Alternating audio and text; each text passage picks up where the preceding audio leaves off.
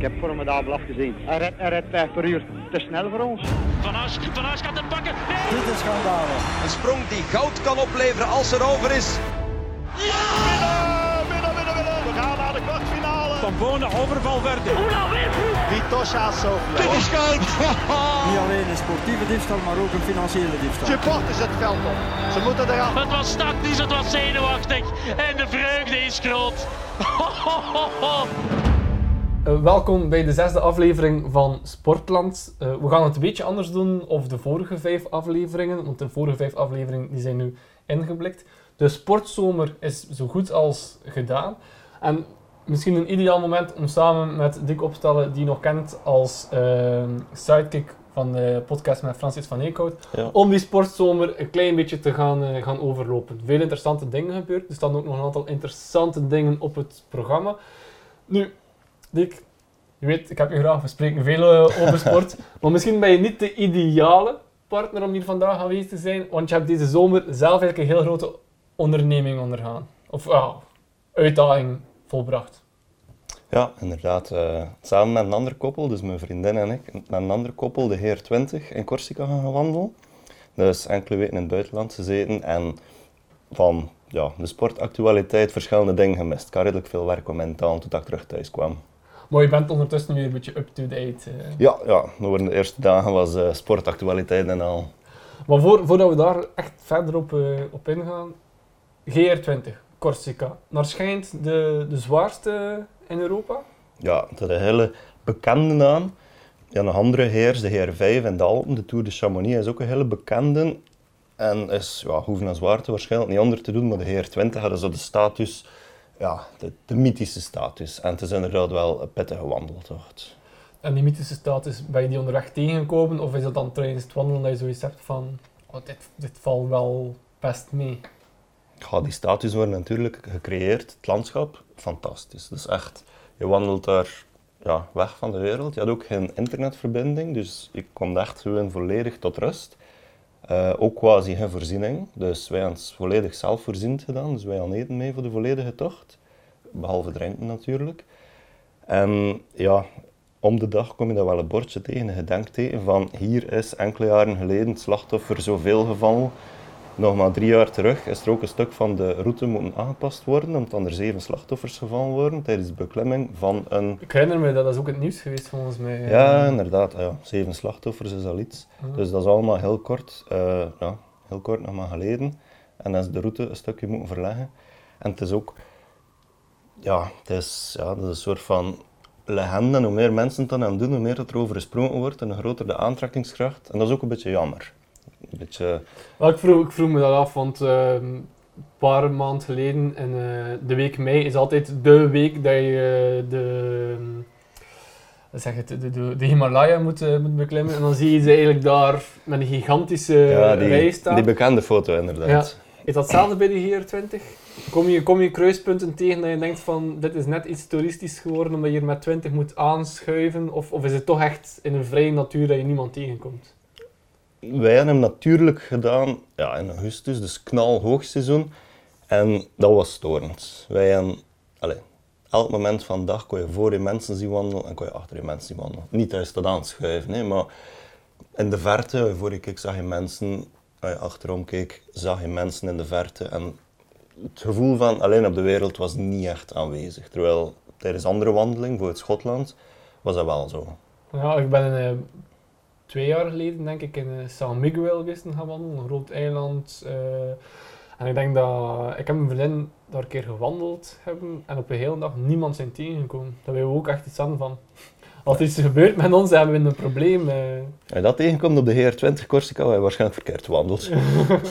maar dus, dus heel veel. Voor de, voor de sportieve luisteraars die misschien denken van ik ga die GR20 ook gaan ondernemen, want de andere sidekick, Aster, die hier was met uh, Louise, is denk ik een week na jou ook vertrokken. Heel, ja, heel toevallig. Ja, uh, uh. Um, hoe bereid je daarop voor? Wat moet je bij hebben?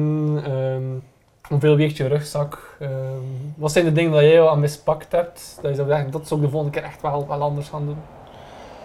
Goh, allereerst, ja, twee opties. Je kan hem van noord naar zuid of van zuid naar noord wandelen. En dat is dan eigenlijk de keuze voor, begin je met het lastigste en eindig je met het makkelijkste stuk, of omgekeerd. Wij gekozen van noord naar zuid, te beginnen met het moeilijkste stuk.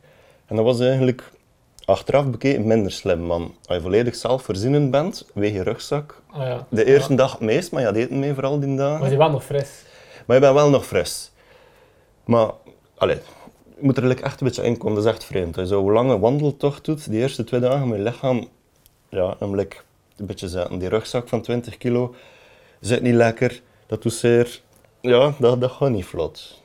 Voor eerlijk te zijn, ik zou mensen durven aanraden van zuid naar noord. Die eerste drie dagen zijn quasi plat. Je kunt er volledig in komen en het einde is ook het mooist. Wij hadden de eerste zes dagen het mooiste, waardoor het aan het einde toe een beetje... Goh, we hebben het gezien, het gevoel was... Ja, dus, dus van, van noord naar zuid. En dat hebben wij gedaan en het ideale zou volgens mij zijn van zuid naar noord. Ja. Als je vertrekt, volledig zelfvoorzienend, behalve drinken, hoeveel weegt je rugzak? De rugzak zelf, 17 zonder drinken, met drinken, is 20 kilo. Ja, Maar dat is de eerste dag. de, de cameraman die mag het erop laten. eh Jelle, eh, ja, mensen hebben hem ook al gezien. Dat is een beetje aan het lachen. 17 kilo zwaar, hè? Ja, ja, maar dat is de eerste dag. Normaal, te- allee, elke dag gaat er daar eten uit. Uiteindelijk zijn we geëindigd, denk ik, op 14 kilo zonder drinken. En dat is... ja, dat was echt goed te ik, je hebt maar 3 kilo eten mee. Ja. Dat is eigenlijk niet zoveel. Je zit maar 4, dus 12 kilo eten. Ah, nee, nee, elk draagt zijn eigen eten. hè. Ah, ja, dus 12 kilo 12 eten. Kilo ja, ja, ja. Maar dat is, is geen eten dat je thuis eet. Hè. Dus dat is elke avond van de astronauten, van dat, van dat gevriesdroogd eten. Dus dat zijn zakjes van 100 gram. En daar moet je gewoon water, allee, warm water bij eten. En dan heb je een volledige maaltijd. Voor de mensen die iets meer luxueus willen, is dat ook mogelijk in de, de GR20? Er zijn er ook huisjes, hè? Ja, ja, dus eh, je kunt elke maal slapen in een refuge of aan een refuge. Dat is ook voorzien om daar je tent op te zetten. Maar wild kamperen is, het is een gedoogbeleid, maar in theorie is het verboden, vooral voor brandgevaar. Eh, en dus aan de refuges kan je een bed of een tent reserveren. En dat doe je ook best in het hoogseizoen, maar als je daartoe komt met het idee van, we niet gereserveerd, maar we willen wel binnenslapen. Nee, geen enkele kans op. En daar kun je ook iets e allee, kan je ook eten. Ja, dus eigenlijk eh, is het echt nodig om eten mee te hebben. Nee, allee, los van occasionele tussendoortje of zo. Nee. Dus wij hebben verschillende mensen tegengekomen. Meestal dan iets oudere mensen dan de volledige HR20 gedaan hebben. Maar allee, niet zelfvoorzienend. Dus die man had gewoon een rugzakje met 3 liter water per persoon en een paar tussendoortjes. En ja, er is een regentas en zo. En is het, eh, allee, je, bent, je bent heel sportief, Eh, je, sport, je sport veel, je bent een beetje aan het lachen. Maar gemiddeld gezien ben je nog altijd zeer, eh, zeer sportief. tussendoor een tweevoudig Europees kampioen bij, de, bij de spoorweg geweest. Je op hol- horde, horden en ver? Viervoudig Europees. Viervoudig. Ja, ja, ja maar dit terzijde. Is het, is, is het lastig of valt het best nog mee? Ik vond persoonlijk, fysiek gezien, alleen naar inspanning toe, dat heel erg hard meeviel. Maar echt Ja. waar. Dus iemand dat sportief is, mag er absoluut geen probleem mee aan. De andere drie compagnons hadden er meer moeite mee, maar dat was toen eigenlijk ook te wijten aan, tja, aan, aan een lichaam dat niet in orde was. Dus één iemand begon last te krijgen van knieën. Is ook Ja, Jacob dan. Nee, Ah, heel ja. erg last had van haar knieën. Ja, Jacob kreeg krampen, had een spierprobleem. Maar dat is allemaal gewoon omdat je de inspanning niet gewend, allee, niet gewoon bent. Ja, als je fysiek in orde bent, en je hoeft daarvoor geen topatleet te zijn, als je gewoon fysiek een geoefend persoon bent, mag dat geen probleem zijn. Hoeveel uur wandelen op je dag? Eh, dat scheelt. Vandaag het van 9 uur en vandaag het, allee, in mijn geval van 3 uur. Ja. In jouw geval, omdat je dan eigenlijk anders...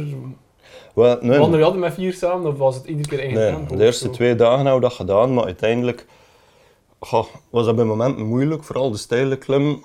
De meisjes proberen dan automatisch een klein beetje sneller te wandelen voor bij ons te blijven. Wij wandelen automatisch een beetje trager, zodat we op een soort van consensus komen. Ja. Maar dat was toch voor niemand echt aangenaam. Dus automatisch op die echt steile klim, wat dat trouwens niet meer wandelen is, maar echt Klim, maar echt ja. klimmen. Maar ik heb er een paar, je hebt ook een paar foto's doorgestuurd en ik dacht van, wauw. In één, wauw, hoe mooi. En twee, hoe ben je daar doorgeraakt? Ja, maar dat was effectief zo. Normaal gezien, als je de heer wandelt, dat is, dat is een pad. Hij volgt de Oh. typische rood-witte merktekens. En daar was dat gewoon van...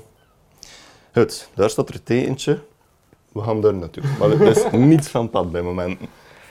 Nee, eh, en automatisch kom je op een soort van eigen tempo terecht. En boven de snelste wacht, totdat de traagste er ook weer is. En wel, nee, dat ging heel vlot. Allee, en ja, iedereen paste hem like, ook aan. Vanaf dag drie was dat ideaal. En allee, iedereen bleef ik, de andere drie bleven telke maal een keer apart bij de traagsten. En op de makkelijke stukken wandelde iedereen samen. En op die steilere stukken, zowel naar boven als naar beneden, was het elke beetje eigen tempo. Ja. Een dure reis, Corsica? GR20? Ja, alleen maakt dat natuurlijk zo duur zoals je wil, maar wij hebben elke avond geaperitiefd.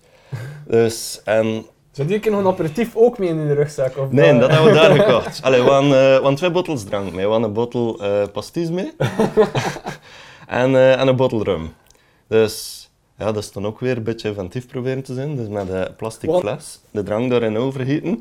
en dan ja, de afweging maken van, amai, de rugzak was zwaar vandaag. Goed, gasten, verplicht iedereen vanavond rum drinken. nee, aan de refuges kun je drank kopen, maar ja, dat is, dat is duur. En zo 6 euro voor, eh, voor een pils, 4 euro voor een blikje cola. Stelt u er eens bij wel van de snack, voor een simpele zak chips, 5 euro. Het is geen goedkope reis. Maar allee, let op, je hebt het allemaal zelf in dan. Kun je de heer 20 uiteindelijk wandelen.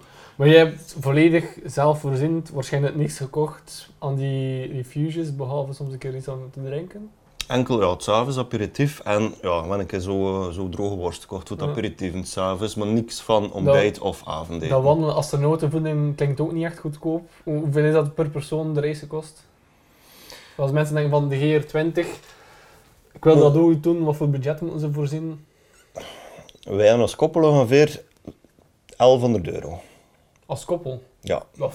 Dus dat valt eigenlijk nog best mee. Ja, ik, maar ik wij dacht zijn dat het wel- veel duurder ging zijn. Nee, nee, maar wij zijn wel allee, zuinig geweest. Het vervoer er naartoe hebben we ook gedeeld. Dus allee, nou, dan moet je ook ja, meer rekenen, maar uiteindelijk wij zijn met een auto geweest. Via Zwitserland, de beste weg. Maar Zwitserland, allee, ja, ook duur voor te rijden. Het is ver rijden, je moet een overzetboot nemen.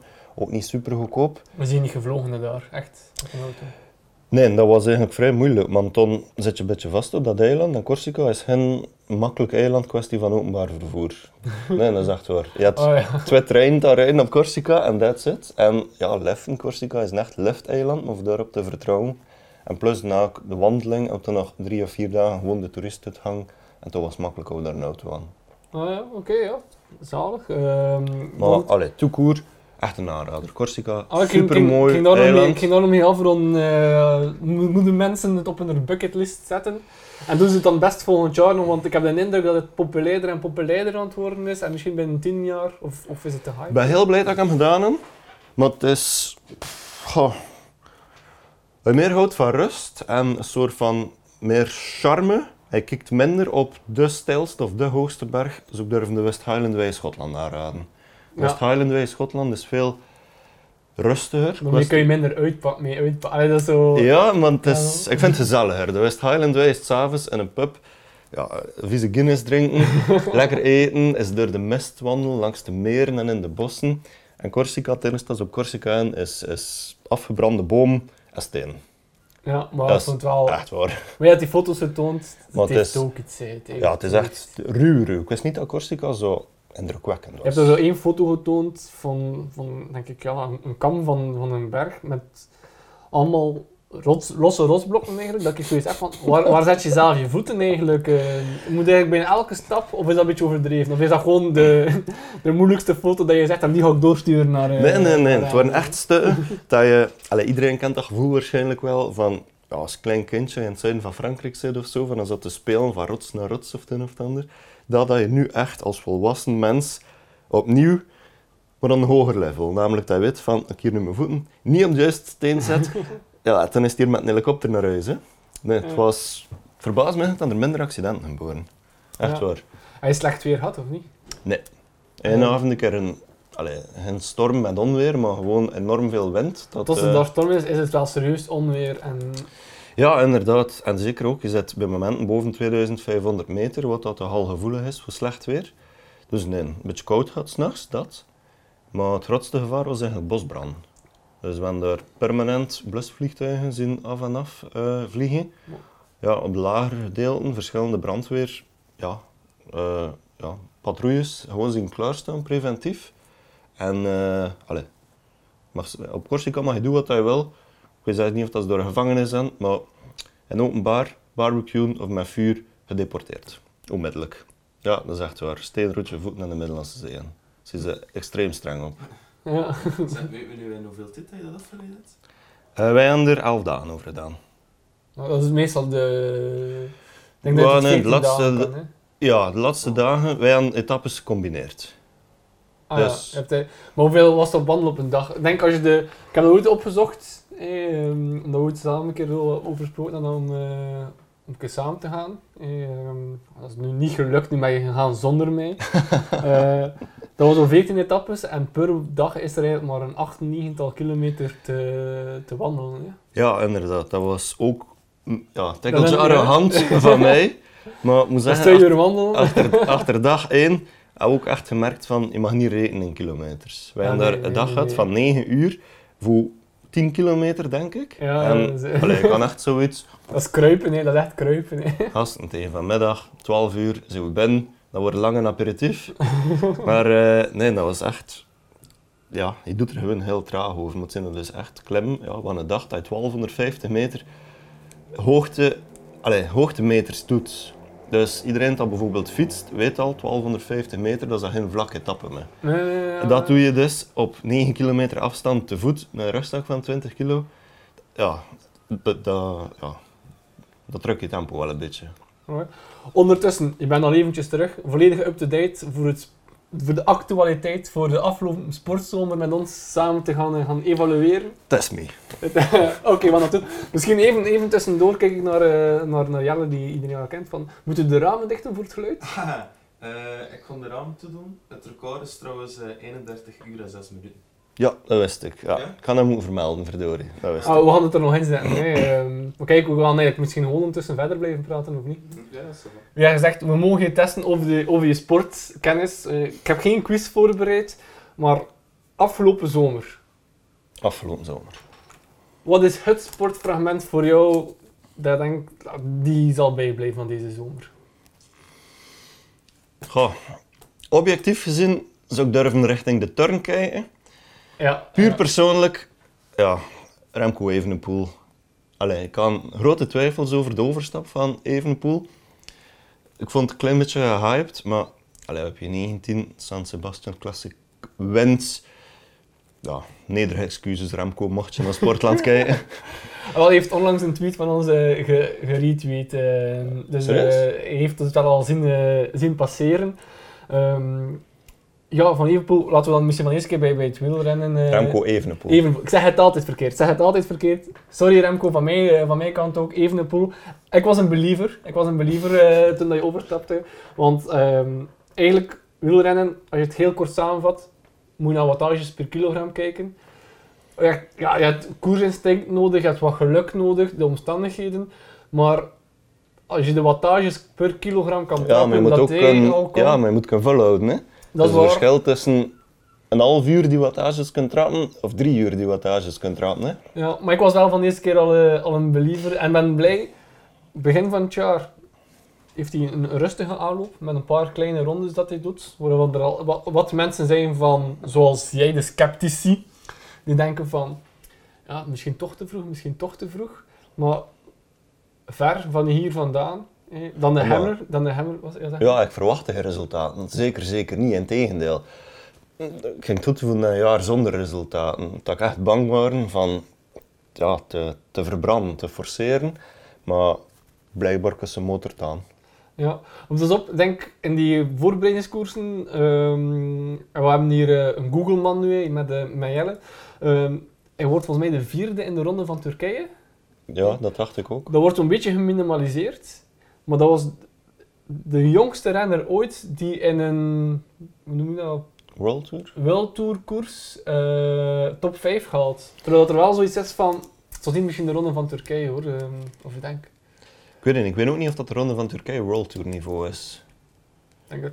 Jelle, je had ons moeten eh, assisteren. Uitslagen Remco, Evenepoel, volgens mij eindklassement. eh wat dan eigenlijk al, al, al zeer goed was. Dan heb je de, de Hammer Classics. Dat hij, vooral die, die eerste etappe heeft hij gewoon gedomineerd. Met het, met het schouderklopje dat hij geeft aan eh, Van Avermaat van kom, kruipt in mijn wiel. Eh, en dat Van Avermaat letterlijk ja, misschien drie of vier kilometer later moet zeggen, ik kan dat wel niet volgen. Rijdt dan 80 kilometer, eh, of 80, misschien 60 kilometer solo. Telt niet mee als een officiële overwinning, wat ik heel jammer vind voor hem.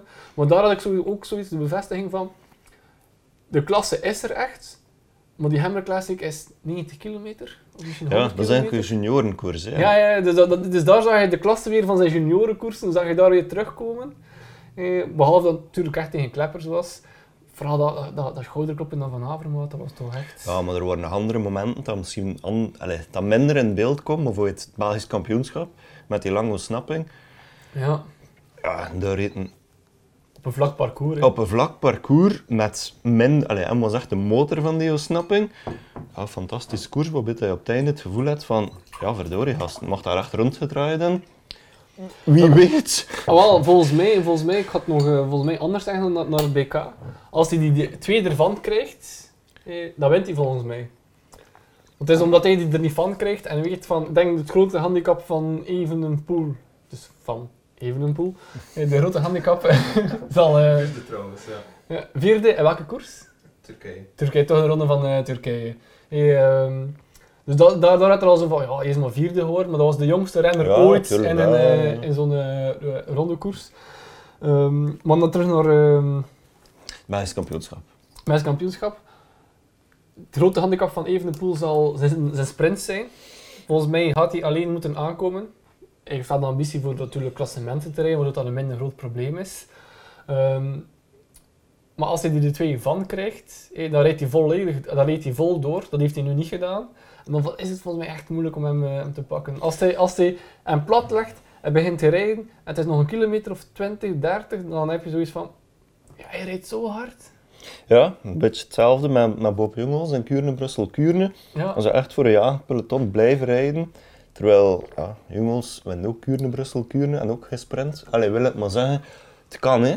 Klassiekers winnen zonder sprint en dan ja, dat EK tijdrijden, dat je echt wint tegen bijvoorbeeld een Asgreen. Ja, op je 19 de San Sebastian Classic wint met een Michael Woods, met een Valverde in de top 10, dat Samantha vorig jaar 2 en 3 Ja. eh, drie en, ja, drie en 1 waren op 2K. Van Avermaat, Olympisch kampioen, op je 19. Allee, dat is... Dat is dat. Ja. En ook vooral de, de, manier, de manier waarop. Hè. Dus, ehm, ik weet niet meer wie dat daar in, de- in de aanval trekt. Hij rijdt dat toe. Hm. Ze rijden met twee volledig. Hij heeft daar ook natuurlijk het geluk dat hij een andere, eh, andere renner mee rijdt. Hij rijdt daar volledig. Dat gat is 10 meter tussen het peloton en, en, de, en het duo. Hm. En ik heb dat nog nooit van mijn leven gezien. Dat het peloton vol rijdt. en daar toch niet naartoe gaat. Die twee van, eh, van eh, Movistar volgens mij rijden daar volledig, volledig, volledig à blok. Wat dan een beetje ook het voordeel van is, die twee verdwijnen dan ook, waardoor dat dan geen, geen knechten meer zijn, maar die rijden volledig. En dan wordt 10, 11, 12. Je ziet dat zeer traag groeien en plotseling is dat 10 seconden, 15 seconden, 20 seconden. En dan denk je van die muur dat ze op moeten, van hij gaat hier Plafonneren. chas patat krijgen. Blijft daar gewoon zijn tempo volgen.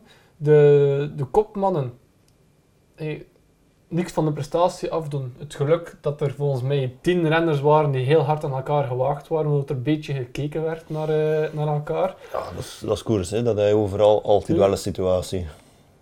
Maar hij blijft, hij blijft daarvoor en hij wint uiteindelijk met 40, 50 seconden. En de manier, de manier waarop. Hè. Iedereen zegt ook in het begin van dat, hij, dat hij gelost werd, de helling ervoor. Dat was blijkbaar niet zo. Blijkbaar was het een mechanisch defect dat hij, eh, dat hij had. Ja, ik dacht Dus- ook dat hij zelfs nog gaan helpen was voor een andere, allee, voor ploegmaat. En Ja. nog bussen meegenomen. Dus Inderdaad. hij was, hij was inderdaad gelost, maar vanwege een mechanisch defect blijkbaar. Dus niet vanwege het, het lossen. Hij rijdt dat toe. En hij neemt een paar drinkbussen mee. Natuurlijk er één, maar, maar twee mensen in, eh, van Quickstep, eh, van de Koning Quickstep in het, in het peloton. Dus hij neemt een paar bussen mee. En, we, en we trekt dan 25 kilometer voor de finish. Ik ga gaan. Ja, die wattages dat hij trapt, dat is fantastisch. Hè. Ja, maar inderdaad, we net het begint overlopen. Baloise Belgium Tour gewonnen, Europees kampioen tijdrijden, Eh, ook, ook, Sebastian ook rit Classic. in de Belwaze. Ja, ook een rit. Ik zeg maar iets, voor een Olivier Naasten, ja, spreken van een slaagd seizoen. Hè. voor een geslaagd seizoen spreek je van een topseizoen. Bedoel, je wint een, ja, een klassieker. Een Ja, hij wint, wint een klassieker, hij wint een, de, allee, de, de grootste ronde in, in België, zijn ding is. Natuurlijk de Wa- ja, concurrentie. de Eneco Tour is misschien nog een tikkeltje hoger. Ah ja, de, de maar- Bing Bang Tour, de Bing Bang Tour. hè. Big Bang Tour, excuseer. Maar inderdaad, de Balwaze Tour, waar ik win, dat is een mooie koers. Hè. Daarmee is het middenseizoen van een Olivier Naasten, van een je- Greg van je Avermaat, ja, gered. Hè. Door- van kijk van Avermaat misschien. Maar het is inderdaad, die Classica Sebastian, daar wordt daar misschien wat, wat minimalistisch gekeken, omdat dat natuurlijk vlak na de Tour de France is. Ja, als je die top 10 ziet, is dat een mooie top 10. Hè. Ja. Zo, als je dan kijkt, wie heeft er dat laatste jaar gewonnen, ja, dat zijn mooie namen hè, dan erop staan. Ja, er staan er geen doetjes tussen. Nee, Mollema, Gilbert, Valverde. Dat zijn mooie namen tussen te staan. Heb je Alaphilippe, 19e? Alaphilippe. Alaphilippe vorig jaar, dacht ik, of twee jaar terug. Ja, het jaar ervoor. het Ja, inderdaad, inderdaad. Ja, dat, is een naam voor tussen te staan. Hè. En allee, naam van Avermaat is ook een geval. Je ziet wat ja, seizoen dat van Avermaat tot nu toe. Na overwinningen, ik spreek niet over ereplaatsen. Ik denk niet dat Van Avermaat, allee, nee zo gezegd, en tegen een overwinning in de Balwaze Belgium Tour. Allee, ik wil zeggen, Ja, naar overwinningen toe, ja, die heeft een poel wel een paar mooie staan, terwijl dat Van Avermaat... heeft ja, allee, daarbij nog de, de, de Hammer-serie. Natuurlijk, het is geen... ja, dat is... Maar die, die eerste rit, dat hij alle die 900 punten verzamelt, dat is een koers dat hij, dat hij wint. Dat is een koers dat hij wint. Ja, moet anders is- bekijken natuurlijk, maar volgens mij is dat echt wel een koers dat hij wint. En hij wint ook nog twee criteriums. natuurlijk, criteriums, maar hij wint criteriums terwijl dat hij niet als winnaar werd aangeduid, die moest winnen. Dat vind ik dan ook weer zo, zo leuk en speels van, Bernal moet hier winnen, ik ga hem toch nog in aan de laatste 100 meter. Dat is toch prachtig? Ja, absoluut, absoluut. Maar dat is allemaal allee, heel mooi. Dat typeert ook de renner. En dat is ook mooi voor het publiek. Want dan, wanneer we echt weer naar de serieuze kant gaan kijken, namelijk naar de wedstrijden, dan er, allee, dan, dan er meer te doen. Alle respect voor de Hammer-series. Allee, die Balwaze Belgium Tour, dat EK tijdrijden. Ja, daarmee is geselecteerd voor het WK en automatisch ook voor de Olympische Spelen. Hè. Ja. Dat zijn, ja, dat zijn prestaties. Hè. Dat zijn echt prestaties dat je niet verwacht, dat je niet kan geloven van iemand van 19. Hè. dat speelse dat, dat ik enorm hard bewonder, zal dat misschien na verloop van tijd ook niet voor een, eh, een probleem zorgen. Dat schouderklopje bij Van Avermaat, dat eh, in de Belwaarse Tour was hij ook op 50 kilometer voor de finish, was hij al in een koproep, wat hij heel hard van zijn neus maakt. Die etappe dat hij trouwens dan, eh, dan wint. Ja, Zottegem was dat, dacht ik. Hè. Ja, ik weet, ik weet eh, ja, in Zottegem, ja, ja. Wat hij enorm van zijn neus maakt, dat ze moeten, mo- moeten ronddraaien. In de Classica Sebastian is hij met, ik weet echt niet meer met wie dat hij eh, op stap was, weet hij dat ook van zijn neus te maken en dat hij, dat hij harder moet, moet rondrijden. Ja, maar Remco Evenepoel fietst drie jaar. Ah, wel, maar het, pro- het probleem niet zijn van, hij heeft nu... Dat had het probleem niet zijn als hij nog zo van dat speelse en dat kom aan meerijden, dat enthousiasme dat hij heeft, hè, dat er al volgend jaar zoiets gaat zijn van ja jongen, met jou ga ik niet meerijden, want je rijdt me dan, dan toch, toch af. Had dat niet op een zeer jonge leeftijd al een beetje tegen hebben beginnen keren?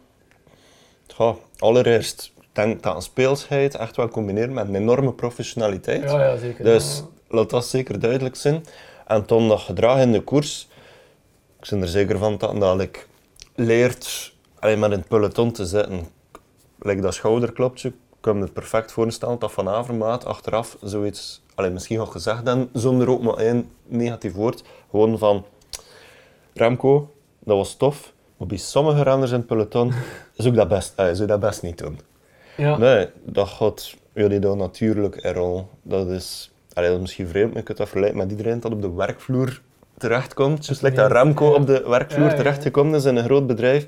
Je moet een klein beetje je weg erin zoeken. Ik ben er zeker van dat dat in orde komt. En zeker met dat een bij Quickstep de Koning fietst. Ja. Mag een zo'n talent zijn, met zo'n prestaties, en je rijdt rijdt bij Wanty Groep Gobert. Goh, dat is misschien anders. Maar Ja. met dat een bij de Koning Quickstep fietst, denk ik net dat dat een tikkeltje meer getolereerd geworden is. Dat zo net misschien nog een extra jaar goh, leergeld van hun. Ja. Hilaire heeft dat, eh, of ja, eh, Hilaire heeft dat ook gezegd tijdens de Tour de France, van ehm, hoe moeilijker dat is voor, voor renners van Wanty Groep Couper, om zich door het peloton te begeven ten opzichte van, van de toppers, dat dat toch allemaal een beetje wat, eh, wat bekeken wordt. En ik haal dat gewoon nog een keer aan, omdat ik het brugje wil maken naar de Tour, eh, naar de Tour de France. Wat onthoud jij van deze Tour? Ja, wat onthoud je van de Tour? Bernal. Bernal op je 22.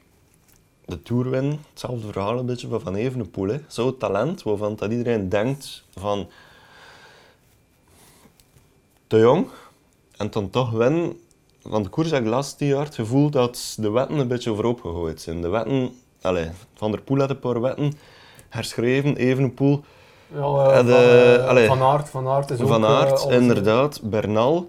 Er is het gevoel dat het wielren ja, kantelpunt bereikt. Dat wordt dat je vroeger als klassementsrijder moest rijden en op je 8, 9, 30 Ja. klaar wordt. En als ja, klassieker ook die leeftijd is het nu eerder van uit talent en werk je hard. Dan kom je er, en zie je nu 23 of 33, het komt. Ja, weet je, hetzelfde bij de, bij de voetbal in de tijd. Ik denk dat Zidane zijn debuut heeft gemaakt. Ja, nu, al voor de voetbalkenners, als ik volledig verkeerd ben, knal me niet af. Maar op zijn 21ste, bij, eh, ik denk dat het op relatief late leeftijd was. Ehm, en bij de voetballers zie je ook meer en meer debuten op hun 16. Eh, bij het wielrennen zie je ook die verjonging, die professionaliteit eh aanstijgen. Maar Bernal, 22. In die plankaart dat vorig jaar voorspeld, die plankaart zei, zoals dat hij dit jaar aan het, aan knechten is voor, voor Froome en Thomas, die wint volgend jaar de Tour. Hij wint nu de Tour. Wat weten we van Bernal? Ja, Colombia, toptalent. Vorig jaar met ja, de betreurde Björn Lambrecht. Eh, een van de toppers bij de beloften. Eh, de Ronde van de Toekomst gewonnen, wat dat toch aanzien wordt als een opstapje naar de topcarrière. Goh ja, en voor de rest niet superveel. Dat blijkbaar een hele beleefde, bedeesde jongen ook is. Harde werker. Ja, de verleden het mountainbike. En voor de rest dat is hetgene dat ik al zo van buiten weet. Dat is hetgene dat ik ook al hoor dan over hem. Meer weet ik er ook niet van. Ik vond dat hij deze Tour een klein beetje, like een, het zal wel zo niet zijn, maar een eenzaam bestaan had bij Team Sky. Ik vond dat je, eh, ik heb zo bij, bij de NOS beelden gezien, wanneer het dan een gietende regen was, dat hij zo zijn eigen parapluutje moest doen en dat hij een beetje verdwaald er wat bij stond. Terwijl dat een Thomas en een uh, Kwiatkowski allemaal wat personeel rondom hem. Dat was, een- dat was zo'n zeer beeld van, die heeft hier zo een eenzaam eh, bestaan. Ja, ik, weet niet goed of dat Bernal allee, zijn karakter ook is, hoe goed dat zijn Engels is. Terwijl Kwiatkowski allee, is al wereldkampioen geweest in Milan Sanremo winnen. Is echt een van de, of was een van de renners van het peloton. Geraint Thomas is een van de leiderfiguren ook in het peloton. De uitrijdende toerwinnaar. Terwijl Bernal ja, zijn, status van ook wel veranderen. Want tot voor de Tour, of tot voor de Ronde van Zwitserland, was Bernal iemand om in de gaten te houden, maar vond ik nog niet echt iemand om mee ja, rekening, rekening te houden. Ik had niet gedacht dat een Tour ging winnen. Ik had gedacht top Is 10 of dat, zo. is dat raar voor iemand die eigenlijk... eh ging normaal de Giro rijden. Eigenlijk als je dan toch over de, de wielerwetten spreekt. Hij bereidt zich voor voor de Giro. Hij bereidt denk ik een week voor de start zijn sleutelbeen. Ja. En die dan toch inslaagt om dan toch nog te pikken in de Tour de France. Dat is toch ook wat, wat speciaal. Of, of, Ja, ik denk... eigenlijk krijgt hij een heel winterprogramma, een heel voorbereidingsprogramma om de Giro te winnen. Hij valt en toch is hij perfect ehm, in vorm eh, bij de Tour de France. Vorige week was er een interessante uitleg daarvan van Christophe van der Hoor op Sporza in verband met dopinggebruik binnen het wielrennen. En ik denk wel dat hij dat daar allemaal een beetje kan inkaderen. De doorbraak van Evenepoel, Mark Hirschi dat kan meerijden als wereldkampioen, beloften bij de profs onmiddellijk. Het feit dat je en Giro en Tour kan combineren. Het feit dat er meer, allee ja, dan, ja, dan bepaalde dingen wel kunnen en dingen van vroeger niet meer. Ik zou dat duidelijk allemaal durven naar linken. Eigenlijk van een Egan Bernal, top, net voor de Giro, sleutelbeen gebroken. Ik denk wel dat er dan uiteindelijk nog tijd genoeg is om eventjes lichaam weer tot rust te laten komen, voor eventjes die topconditie te laten varen, voor dat weer op te bouwen naar de Tour. Ja, misschien, misschien wel. Achteraf, sommige mensen gaven ook wel wat commentaar dat iemand was die, ehm, ja, niet echt geschitterd heeft.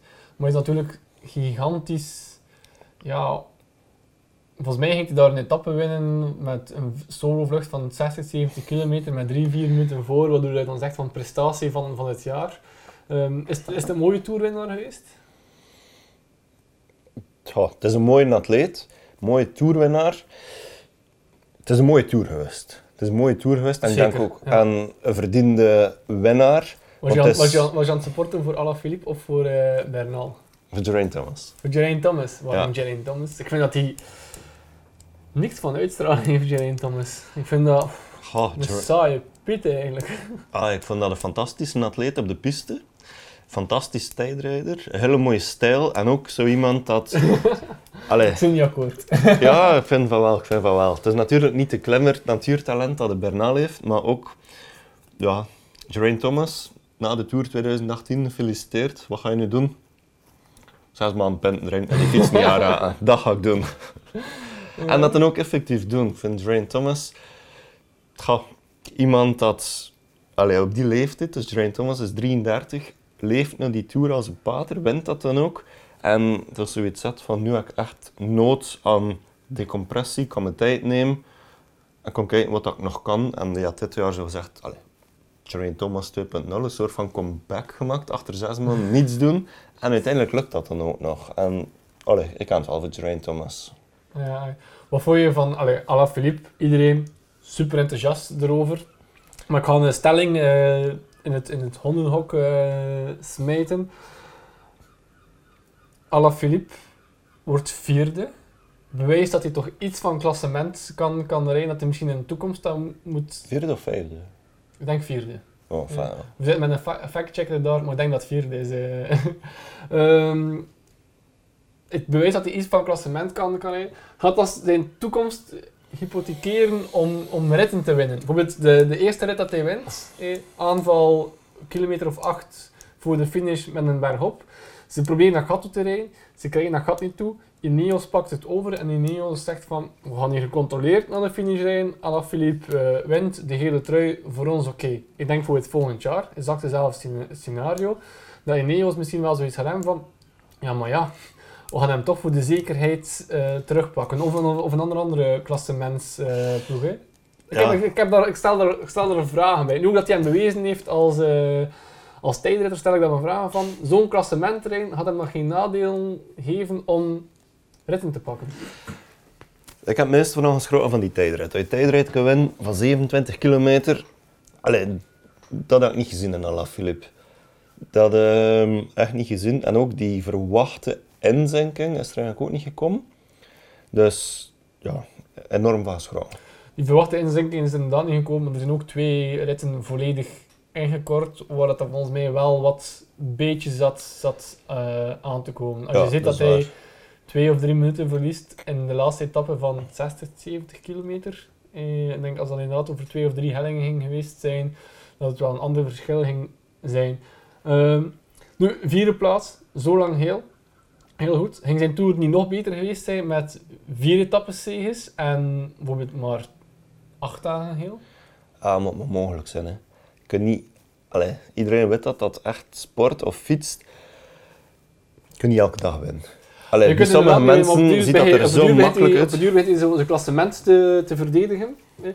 Terwijl ik denk, nou, als hij al zeven of acht dagen zijn klassement volledig zegt, het, het interesseert me niet meer, hè, dan waren er wel nog een tweetal etappes dat hij volgens mij onklopbaar op zou, zou geweest zijn. Ja, maar heel heb je, die etappes kan je winnen. ik Ja, kan me voorstellen. Ja, als. Frankrijk, allee, als Fransman in Frankrijk.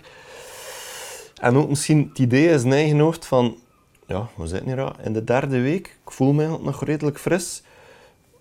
Zoek nu krachten verspil voor een potentiële etappewinst, terwijl ik er al twee heb. Of zoek durven, also dat klein procentje ervoor durven gaan van wie weet, ik hier een hele trui nog aan vast. Ja, ja maar ehm, wat ik nog het strafste vind, als je dan de verhalen hoort, hoe weinig dat die kerel slaapt. Ik heb dat ook nu gehoord, inderdaad, als hem s'nachts om drie uur nog tegenkomt. Ja, ik, ja, Ja, dat lijkt me eigenlijk... Ik denk, je kunt een toptalent zijn, maar slaap is de beste training. Maar denk een jaar of twee geleden, of vorig jaar, ehm, zijn ze, zijn ze Alaphilippe wel inderdaad om twee uur s'nachts tegengekomen. Omdat hij een wandelingetje aan het doen was, omdat hij niet kon slapen. En blijkbaar zou hij nu, toen dat hij zijn hele trui herveroverd heeft, zou hij maar twee uur geslapen hebben en daar toch nog die tijdrit mee gewonnen hebben. Of ik denk dat zoiets... eh, was dat toch zot? Dat is toch zot? Ja, de man van Vive Velo en hem inderdaad om drie uur s'nachts tegenkwam, terwijl dat zij allee, aan het opruimen waren en, Ja, dat is toch... en dat een Als ik, als, ik als ik met jou 110 kilometer ga fietsen, moet ik heel die middag gaan slaan. Dan is, dan is het wat af. eh. Nee, ik stel me er ook allee, vragen bij, niet, niet op een negatieve manier, maar me er wel een beetje zorgen over. Van, dat lichaam kan dat toch niet blijven verdragen. Topatleet zijn en zo weinig slapen. Ik, ik weet het niet, ik weet het niet. Maar het is alles wel een heel speciale kerel. Als je en een tijdrit kan winnen en favoriet zijn op allee, Walse Pijl, Luik, Luik op zo'n parcoursen. En volgend jaar aangeeft dat je wat de Ronde van Vlaanderen ziet zitten. Want Alaphilippe dat op die manier zegt, weet je al van, ja, lap, dat wordt ook een probleem. Ja, volgens mij, als die, met het feit dat de Gilbert weg is, ehm, zal Alaphilippe volgens mij dat wel aan de start kunnen, eh, kunnen staan met ambitie. Ja, ja ik denk dat Philippe, Alaphilippe op allee, iedere koers dat een zijn zin opzet met ambitie start en hij van de outsiders is. En inderdaad, ja, Quickstep is gespecialiseerd in de Ronde van Vlaanderen. De koning Quickstep is gespecialiseerd We in de Ronde we van zijn samen Vlaanderen. bij Francis eh, geweest, eh, de koning Quickstep. Ja, inderdaad, inderdaad. Dus, en het parcours van de Ronde van Vlaanderen, ik denk in een droge editie, uit de editie van dit jaar ziet, dat ze met een relatief grote groep naar die laatste keer Kopen en Paterberg gaan. eh, Paterberg en Oude Kwaremans gaan. Goh, Maar ik, dan ik durf er- hem niet, ik durf hem niet afschrijven, alleszins. Ja, dan ga ik het ook van de eerste keer nog een andere naam in de groep smijten, omdat het ook op ons voorbereidingsfiche staat, omdat het volgens mij zeker een punt is dat we moeten naam bespreken als je het over deze zomer hebt. Volgend jaar gaat hij natuurlijk een Mathieu van der Poel tegenkomen, die opnieuw 2-3 procent... eh, weet- als dat nog kan, als dat Ja, nog kan. als dat nog kan. Nu, Mathieu van der Poel zal... zal worden. Deze zomer is de zomer ook dat hij ook in mountainbike bewijst van ik ben de beste mountainbiker van de wereld. Ja, Niet, niet Schur- Nino, Nino, Nino. Niet Nino. Maar ik, heeft alle korte, dus eh, meestal is het de Short track. de short track, heeft hij allemaal gewoon dat hij aan de start stond. En bij de, bij de lange Bij de country. eh, is die, heeft hij er drie gewonnen van de vijf. Is hij één keer tweede geweest, of één keer derde. Eh, en één keer echt een off-day dat hij 22e werd, maar dat is omdat hij al een maand, eh, een maand en een half geen En competitie Europees meer gehad had. kampioen. En dan wordt hij een week later Europees kampioen. Hij is, is beste veldrijder, daar moeten we niet over discussiëren. Hij heeft 30 van de twee, of 32 van de 34 crossen Ja, dat is gewonnen. beste veldrijder. Op de weg, ja. Fantastisch voorjaar. eh, Van Als je, ja, als, je, top als, 3 je, van het voorjaar. als je dat bekijkt naar het voorjaar, volgens mij heeft die kerel 12, 13 koersen gereden. en heeft hij er 6 gewonnen. Hè. Waarvan die eerste eh, etappe... In de ronde van Antalya. Ja, een ronde dat hij speciaal deed voor zijn sponsor. Hij wint daar die eerste etappe. Hè. En dan de andere etappes heeft hij de sprint aangetrokken voor, eh, voor een ploegmaat. Ik denk als hij daar wou, dat hij drie, vier etappes eh, wint. Dus hij wint zes van de 13, 14, 15 koersen dat hij rijdt. Waaronder de, ja, dwars door Vlaanderen. Ja, de Vlaanderen, Brabantse Pijl, de Amstel, dat worden de... ja, dat Ah waren- ja, en de grote prijs Bash. ja, ja, ja. eh. En dan, ja, in ook een koers niet valt, wie weet wat dat er dan gebeurt. En volgens mij, ja, maar natuurlijk met koers, koers. eh, Als hij in Gent-Wevelgem vrij uit kan sprinten, is hij volgens mij de snelste. Wat gebeurt er als het niet valt in de Ronde van Vlaanderen? Ja, dan, dan denk ik, ja, je kunt, ja, op daarover kun je, kun je inderdaad lang discussiëren, maar volgens mij als hij niet valt, 20.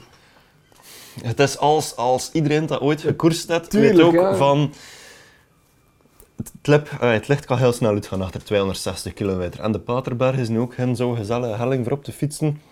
Maar je was er wel nog sterk op naar lange, eh lange Ja, achtervolging. absoluut, absoluut. Maar ja, win, uit, winnen in de, in de koers. En het is, het is toch niet simpel hè, voor wedstrijden winnen. Nu, terug naar, naar, naar het mountainbiken.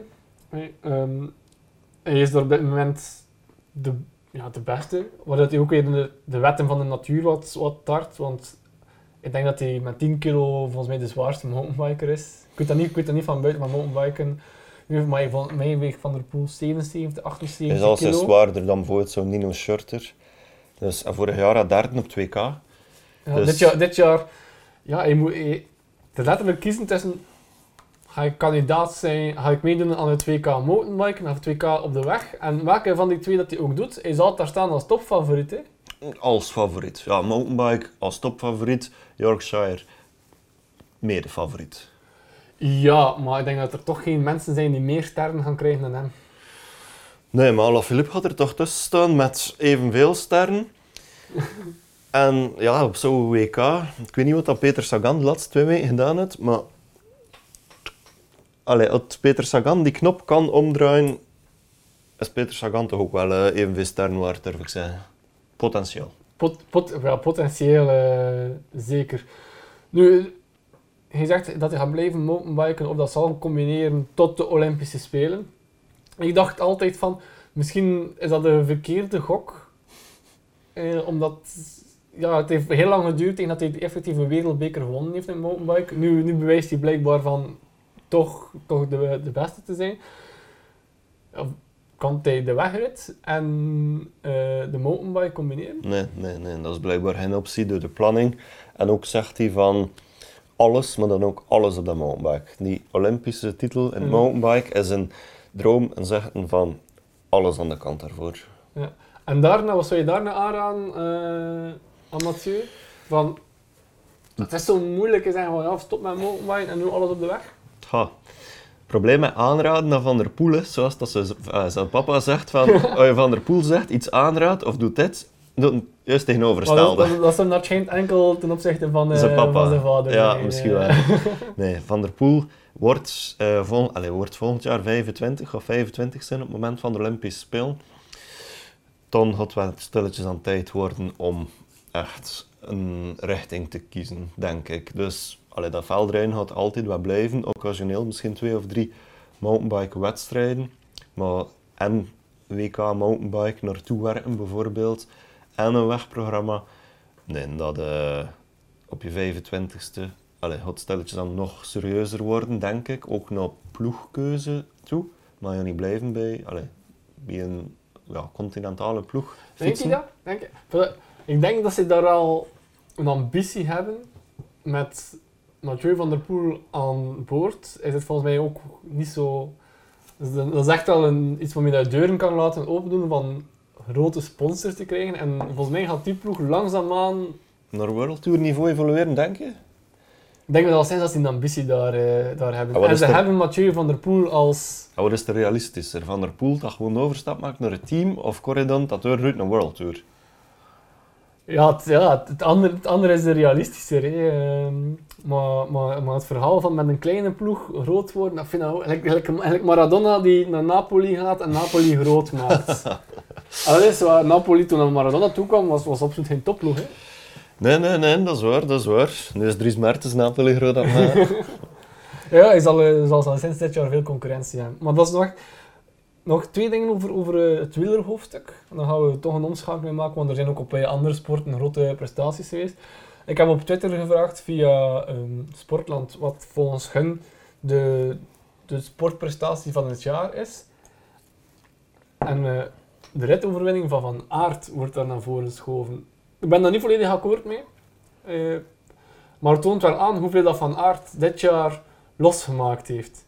Ook zo weer zo typisch van, hoe dieper dat je in de put gezeten hebt, hoe groter dat je weer in Vlaanderen eh, kan zijn. Ah ja, Vlaanderen is altijd fan van de, de, de underdog. De underdog Dus- die, die weer... Die Ja, weer- ja, ja, inderdaad, inderdaad. Uit de as, allee, uit de as. Het veldrijden van Van Aert was absoluut niet slecht, hè, maar toch heel dit overvleugeld geweest door eh, Van der Poel. Maar hij wordt in 15 crossen wordt hij tweede. Ik weet het, dat is... Ja, tweede telt niet mee voor zo'n voor zo'n dingen. Maar Het is tegen Van der Poel. Ja. Ja, inderdaad, maar het probleem, ay, het probleem, niet het probleem, maar de spoeling achter de grote drie in het veldrijden is een tikkeltje dun, waardoor dat eigenlijk enkel... Ik denk dat dat best meevalt. Ik denk dat, ik denk dat er twee exceptioneel zijn. Ik denk dat dan ehm Toon Aerts, Toon Aerts er wat tussen zit. Michael van Toornout. Maar als je dan kijkt wat de andere crossers eigenlijk ook op de weg presteren, Ik zie dat Tim Merlier, Belgisch kampioen, is de nu de rapste sprinter van, eh, van België. Als je, naar de andere, als je naar de andere uitslagen op de weg gaat kijken. Ja, maar Ik zag de generatie Nice dat op de weg niet doen. nee, maar ja, sommige dat gewoon puur gemaakt zijn voor die ene discipline. Een Nino Schurter rentmountainbike komt, ah, ja, komt op de weg niet aan de pas, hè, maar echt niet. Hè. Ik ben er zeker van dat het omwonen en het veldrijden, dat dat ook geen succes heeft Heeft hem al jaren gedaan met Tom Bonen en Friends, hè? Blijkbaar was Ja, ja, inderdaad. Maar dat is Stibar met rond- twee minuten in achterstand. Ja, eh, rond zilver meer en hè. Ja, graag. Nee, ja. Ik denk, eh like zo Tim Merlier zou volgens mij beter effectief de overstap maken, definitief, naar de weg. Gianni Vermeers fietst heel goed op de weg, Ja. maar hij heeft zelf ook al aangegeven dat ja, financieel dat misschien beter af is in het veld. Ja, financieel is voor sommige mensen het veldrijden natuurlijk eh, Interessanter. interessant. Nu, de blessure van, eh, van Aert. Is blijkbaar veel ernstiger dan dat allee, op eerst gezegd gedacht wordt. Ja, ja, ja, ja heel, hij zou nu normaal zijn heel het crossseizoen missen. En je hoopt er toch een paar crossen nog mee, eh, mee te pikken. Is de blessure naar zijn wegrit, naar zijn, naar zijn eh, wegcarrière een, me- een meevaller? Gaat hij frisser staan of gaat hij toch die intervals missen dat hij in het veldrijden doet? Allee, ik hoop het dat het maar kwestie is van misschien een verloren voorjaar, maar allee, de eerste berichten, en zelfs nu de berichten, de laatste berichten van eh, Toon Klaas, allee, de berichten die uit het ziekenhuis verspreid worden, vind ik persoonlijk nog altijd niet echt zo hoopgevend. De Tour is een maand, allee, het accident is een maand geleden gepasseerd, moet nog steeds wandelen met krukken en de chirurg gaat uit van grote kans op volledig herstel uit dan de details, voor zover dan die beschikbaar zijn, van het accident, allee, van het letsel, ja, leest. Afgescheurde pezen, spiervezels gewoon afgerukt. Allee, pees is nu niet iets dat vanzelfs terug allee, aangroeit. Allee, ik wil zeggen... Moeilijk dat- herstel. Ja. ja, dat zijn... Ja, dat was blijkbaar toch een hele, hele ernstige blessure. Wanneer dat ze spreken dat een het volledig crossseizoen gaan missen, spreken ze echt over een activiteit van zes maanden. Dat is ernstiger dan een, eh, dan een gebroken sleutelbeen. Ah ja, met een, sleutel, sleutel, met een, gebro- met een sleutel, met een gebroken sleutelbeen rij je morgen alweer op de rol. Ik weet het, maar het is maar voor aan te duiden van... Allee, mocht ik van aard zijn, ik zou niet wakker liggen van de Ronde van Vlaanderen volgend jaar. Ik zou eerst echt wakker liggen van zien dat eh, de motor, de carrosserie gewoon weer 100% in orde is. En hem leggen op de Olympische Spelen tijdrijden.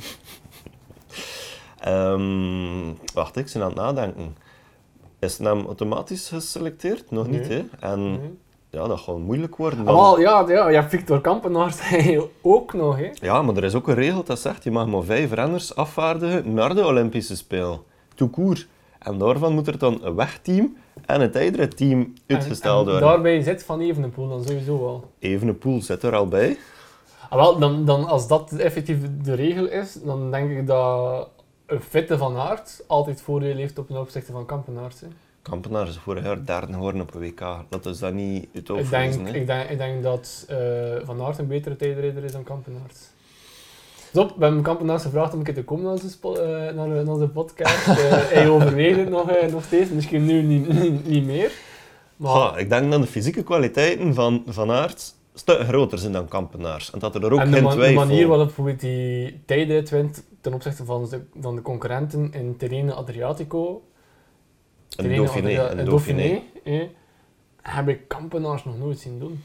Dat is met 30 seconden verschil winnen. Hè. Nee, maar Dat, bedenk- B- dat BK dat hij wint tegen, tegen Lampaard en tegen Van Evenepoel, is Evenepoel. Evenepoel, is, is gigantisch. Hè. Ja, pas op, ik ben er echt van overtuigd. En Kampenaars zou dat ook toegeven. Ja, Kampenaars had een zescilinder zitten en Van Aert had een achtcilinder zitten. Zo simpel is het. Het fysieke vermogen, het fysieke krachtontwikkeling bij Kampenaars is gewoon niet zo groot. Maar voor Kampenaars, allee, tijdrijden is toch wat specifiek. Ja, ja maar we gaan het, we gaan het zien. eh, is het een goede overstap voor Kampenaars naar Sunweb? Goeie vraag. Ik weet het niet. Ik denk... Ik vraag me af of dat er geen spijt van hebben. Ik snap, niet, ik snap niet dat Lotto er niet alles aan doet. Ja, maar er was geen budget. Dus, like dat ik het verhaal begrepen heb, het eh, Lotto een zeer interessant voorstel gedaan aan kampenaars. En kampenaars staan een tikkeltje het hoogmoed nee gezegd, voor nog meer uit de kant te halen. Eh, tussenin is de overstap van Ties Benoot in een versnelling gekomen. En als ze Benoot en Gilbert aangetrokken. Op dat moment ja, begon kampenaars te beseffen van oei, de andere aanbieding, dat mee scherm, zijn toch niet zo, ja, toch niet zo vast. Of toch niet zo hard te maken. Neem opnieuw contact op met Lotto Soudal. En toen zegt Lotto Soudal... eh, ja, maar ja, zelfs dat eerste voorstel dat we gedaan hebben, het origineel voorstel dat we je voorgelegd hebben, kunnen we zelfs niet meer hard maken. Dus we zo super graag dat je blijft, maar het gaat dan mindere voorwaarden zijn dan wat we origineel gezegd hebben. Dus ik heb zo het gevoel, oprecht, dat eigenlijk een niet gedwongen vertrek is, maar dat het eigenlijk een ongelukkig vertrek is. Dat het eigenlijk een vertrek is dat Ah, ik vind het al zin geen van beide eh, partijen gelukkig mee zijn. Want het, het is volledig mislukt voorjaar van Lotto, in Lotto Soudal. Hebben ze een klein beetje kunnen wegsteken achter eh, het uurrecord. hè. Er is al heel veel aandacht voor geweest. Er is heel in veel aandacht voor Ja, geweest, in. België. Maar ik Ja. vraag me oprecht af, in andere landen... Is er zoveel aandacht voor geweest? Dat weet ik niet. Ja, ik weet het niet. Ik weet het niet. Ja, nee, ik denk eerlijk gezegd van niet. Maar wanneer een andere werelduurrecordpoging hebt, like Alex Dowsett, had de wereldrecorduurpoging gedaan. Ja, Bradley Wiggins is nu gewoon een, alleen een icoon. ja. Maar like de andere werelduurrecordpoging, ja, zijn ter sprake gekomen op pagina 3 van, eh, van het nieuwsblad bij wijze van spreken en op Sporza en daar stopt het ook bij. hè. Ja, Dus, ja oké, ik, snap, ik, snap, ik snap je punt. ehm. en ik ben ook een beetje bang, Sunweb werd ook een klein beetje gedragen door een Tom Dumoulin. Ik vraag me af bij Sunweb. Maar Dumoulin heeft zich daar wel echt kunnen ontwikkelen als, als tijdrijder. Dus er is daar volgens mij wel de tijdrijd know-how. Ja, ja, dat is waar, dat is waar, dat is waar. Volgens mij is dat er wel. eh. Oké, laatste wielrennen. We zijn hier al 40, 50 minuten, ik weet het niet eh, hoe lang aan het praten over, over mannenwielrennen. Eh, eh, maar voor onze, onze, onze excuses. vrouwenwielrennen meer en meer op tv. We het ook meer en meer volgen. En deze, deze zomer is volgens mij de wederopstanding van Marianne Vos. Ja, inderdaad, inderdaad. Naar eh, overwinning toe, alleszins. De onoverwinnelijke Marianne Vos van tien jaar geleden, ja, is er niet. Denk ook niet dat dat nog gaat komen. Maar eh, ja, inderdaad, de wederopstanding van Ja, ik denk de, de, de Giro, hoe noemt dat? Gira Rossa, De inderdaad. Giro de Rossa. Met mensen vier van de zeven ritten. Eh, En indrukwekkend. Eh, Heel, de hele zomer wint, ze weer, weer veel.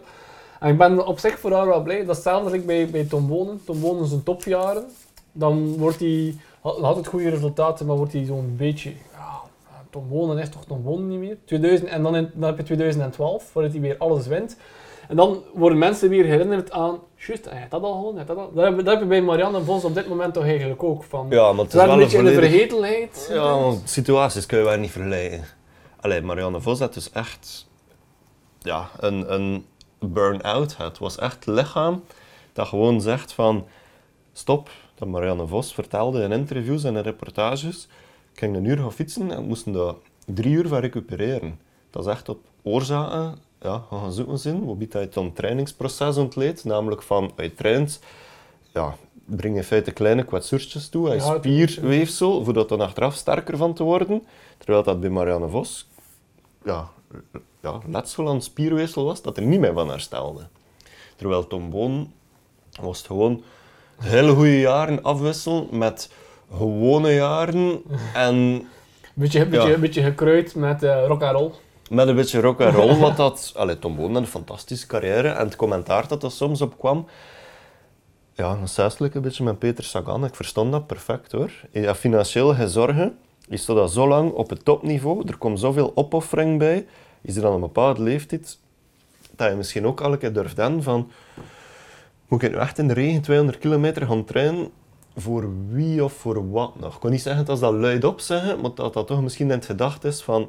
Dat dat, dat, dat dat in het hoofd zit. Ja, dat je een soort van gemakzucht creëert, dat de motivatie minder is dan als op bij die super gemotiveerde neoprofs dan nog niets gewonnen hebben. Oké, ja. Dat, dat, dat gevoel had ik een beetje bij de mindere jaren van Tom Boon. Terwijl bij Marianne Vos was het dus echt een ja, fysiek probleem, maar echt een fysiek, fysiek probleem. Ja. Ik denk dat er ook van eerste keer een waarschuwing is naar, eh, naar bijvoorbeeld Van, van der Poel. Bij Marianne Vos was het na een tijdje ook van ehm mountainbiken, cross, De eh, baan. weg. En dan wou ze nog een keer de baan ook, ook beginnen doen. En dat was... Dat was Ja, wow, Olympisch kampioen op de baan. Dus het is niet Oh. alleen van wow geweest, het is ook effectief... eh, Is dat- is ja, dat echt? ja, 2008 is Marianne Vos Olympisch kampioen baanwielrennen geweest. Mo. Ik kon Allee. niet mijn hand in het vuur steken voor welke discipline. Ik dacht ploegkoers, maar alleszins eh Olympisch kampioen geweest. Straf, kijk, dat wist ik niet. Dat, kijk, nu, nu zit erover bezig en dan... dan je niet plotseling hoe, hoe, hoeveel dat ze eigenlijk eh, gewonnen heeft. Ik erop gezegd, uit nieuwsgierigheid. eh, ze is het seizoen begonnen met 275 profoverwinningen. Ja, Ja, dat is zot, hè. Dat is niet normaal. Oké. Over het vrouwenwielrennen in het algemeen, meer en meer op, eh, op tv. Hoe evalueer jij die, eh, die koersen? Supermooi. Het is ook een goede evolutie. Ehm mensen stonden niet vaak bij stil, maar van de grote klassiekers had je dus lang geen vrouw in edities. Hè. Ja, het is ja. nog maar sinds twee jaar dat je een editie had van Luikbas naar Luik. Die Van- nu weer gaan verdwijnen, hè. Leuk, Bastenaken, Leuk en eh, de Waalse Pijl. Verdwijnen voor vrouwenwielrennen. Eh, ik, ik denk het wel, omdat ze geen eh, live-uitzending kunnen garanderen. Ah, ja. Oké, dat wist ik dus zelf niet. Ja, Ah, dat is het, rust. Dat is echt de rust. Dat is echt Ik vind dat ook, ik vind dat, al, ik vind dat eigenlijk maf, dat je zegt van...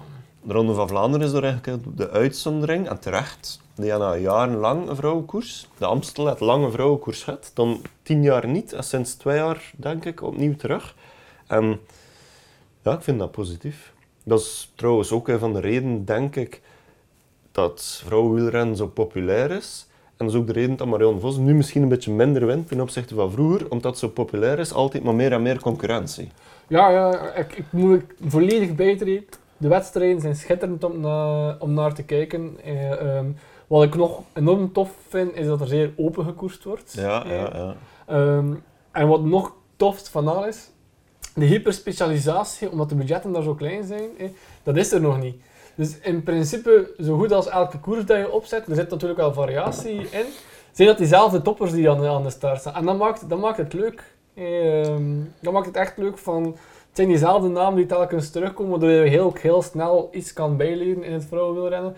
En waar je toch zo wat meer, ja, soms bijvoorbeeld een, ehm, een ehm, Sepp van Marken, je ziet die in het voorjaar en dan verdwijnt hij weer voor, Ja. voor, eh, voor een jaar. En dan zie je hem weer in, in het voor. Bij de vrouwen, elke koers, dat zijn praktisch de, dezelfde die aan de start Ja, inderdaad, Dat is. Absoluut, absoluut. Also de, de concurrentie van der Breggen, van Vleugten, van Vleuten. Vleuten, sorry. Marianne Vos, Chantal Blaak, en dan eh Longo Borghini erbij uit Italië. Pauline Pervot, dat opnieuw ja, tevoorschijn komt als, Ah. als de verloren dame van het Frans wielrennen. Dus ik vind dat heel tof, echt waar, oprecht. Ja, kijk, we, we, moedigen het ook aan. Eh, En, en met dat gaan we het hoofdstuk wielrennen eh, afsluiten. We hebben er zeer lang over gesproken. Natuurlijk, we zijn vooral wielrenners, eh wielrennenvolgers.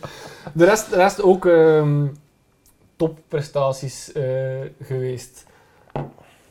Ik stel voor dat we beginnen met het voetbal. Niet als, als prestatie, maar ik heb het met Jannik en met Mo ook al over gehad. Er is toch iets aan het gebeuren in de Belgische competitie. Ja, ja, je ziet dat plotseling Vincent Company tot vorig jaar ja, speler van Manchester City, vorig jaar met in Hol in feite de Engelse competitie beslist. Nu bij Anderlecht speelt. Dat is Samir Nasri. Nooit de grootste ster, altijd een moeilijk karakter, maar toch bij Anderlecht speelt. Nasser Shadli. Een van de beste spelers geweest in Nederland bij Twente, dan bij Tottenham mooi weer gemaakt. De redder van het vaderland eh, Tegen Japan. tegen Japan. Ook bij Anderlecht speelt. Je ziet dat Simon Mignolet, eh, van de meest betrouwbare keepers in Engeland, bij Club Brugge speelt. Ja, er, is, er beweegt toch iets. Vooral voor Mignolet. Ik bedoel, Vincent Company, ja, oké. Hij zegt dat gewoon omdat ik weet dat je bent geen fan van hem. Hij zegt altijd dat zijn carrière gewoon geslaagd is omdat hij toevallig bij Manchester City geraakt is. Op het moment dat Manchester City nog geen geld had, dat er dan een rekening is gekomen en daardoor de carrière... Ik weet het. Maar ik vind het toch straf. Ik vind het toch straf. En ik vind het toch... Met die ene move lijkt de Belgische competitie plotseling in, wa- in waarde gestegen. Ik hoop ook echt... Eh, dat Club Brugge- Company. Ja. dat, dat Club Brugge de Champions League kan spelen, want dan zitten we weer met twee ploegen in de Champions League. Ik vind dat... Ik denk persoonlijk dat Club Brugge een beter project heeft dan Anderlecht. Allee, allereerst, ik vind het heel dapper van Company, maar Company kost perfect nog voor 8 miljoen euro per jaar ergens gelijk ter wereld. LA Galaxy waarschijnlijk. eh, Ja, voilà, voilà inderdaad. Gaan gaan voetbal. Dus allereerst heel dapper. Want, allee, los van het financiële luik, ook...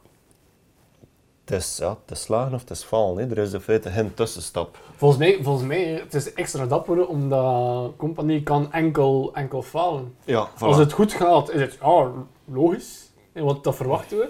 Als het slecht gaat, is het...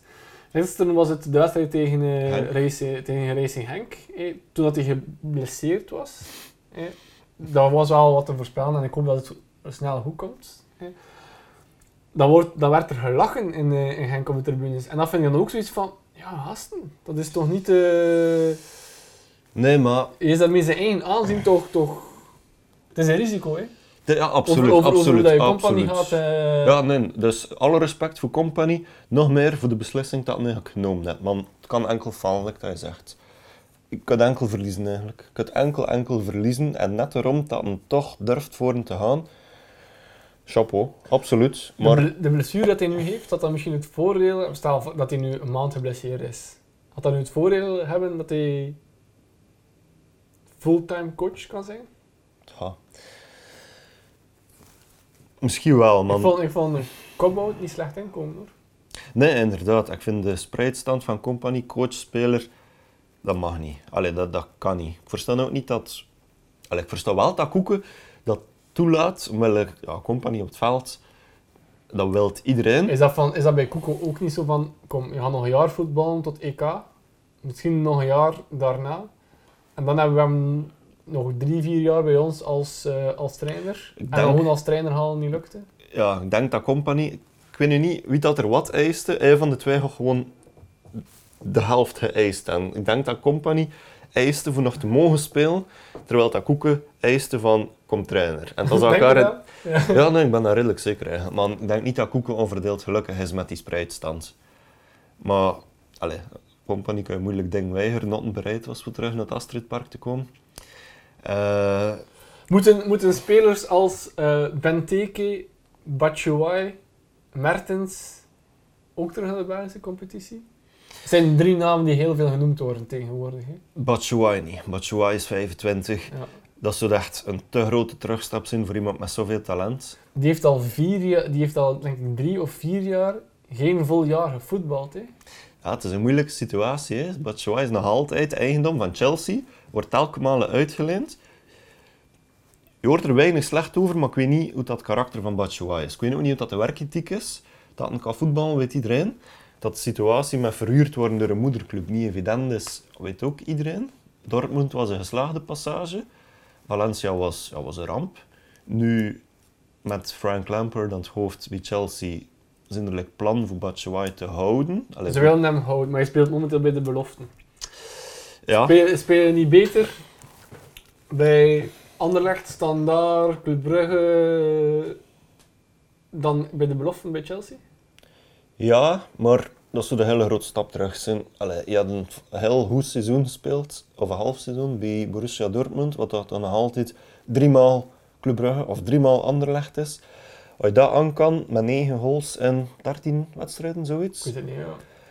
dat is hij te goed voor Anderlecht en te goed voor Maar hij was Brugge. bij Dortmund ook furieus enorm goed gestart. Maar volgens mij heeft hij daar ook zijn uitlijnperiode geëindigd op de bank hoor. Dat nu, ja, dat, eh, dat weet ik niet, dat weet ik niet. Maar ik denk dat Batshuayi terugkeer naar België te vroeg is. Ja. Benteke? Ja, Benteke zijn momenteel nog altijd bij Aston Villa, dacht ik. Of bij... Ja, denk ik bij Aston Villa. Ja. Ja, En volgens mij speelt hij niet bij Aston, volgens mij is hij op de bank. Benteke is 27, 28. nee, Benteke is denk ik 31 al. Denk je? eh, Kijk, we zijn met een factchecker. Christian Oh. Benteke. Ik dacht van geboortejaar 88 of 89, dacht ik. Kijk, we een uh, verder. Ja, nee, Benteke sukkelt nog altijd met een weerspannige knie dat blijkbaar niet in orde komt. Wat dat jammer is. Maar Benteke had vijf jaar geleden is echt doorgebroken bij... Bij Aston Villa, ja, Bij dat Aston een Villa, echt- dan passage bij Liverpool. Ja, dat ook erg goed gestart was. Maar dat dan... Ja, Maar was volgens mij ook een zeer slecht jaar van Liverpool. Ja, maar allee, Benteke had er volgens mij toch verschil. Allee, het zat boven de 15 goals, dacht Dat ik. weet ik niet. Ik denk- ik denk bij Maar- Liverpool.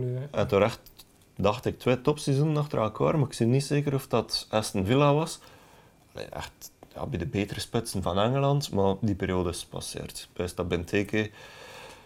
Ja, ik zou het niet aanraden voor een Belgische club voor hem Benteke een contract aan te bieden.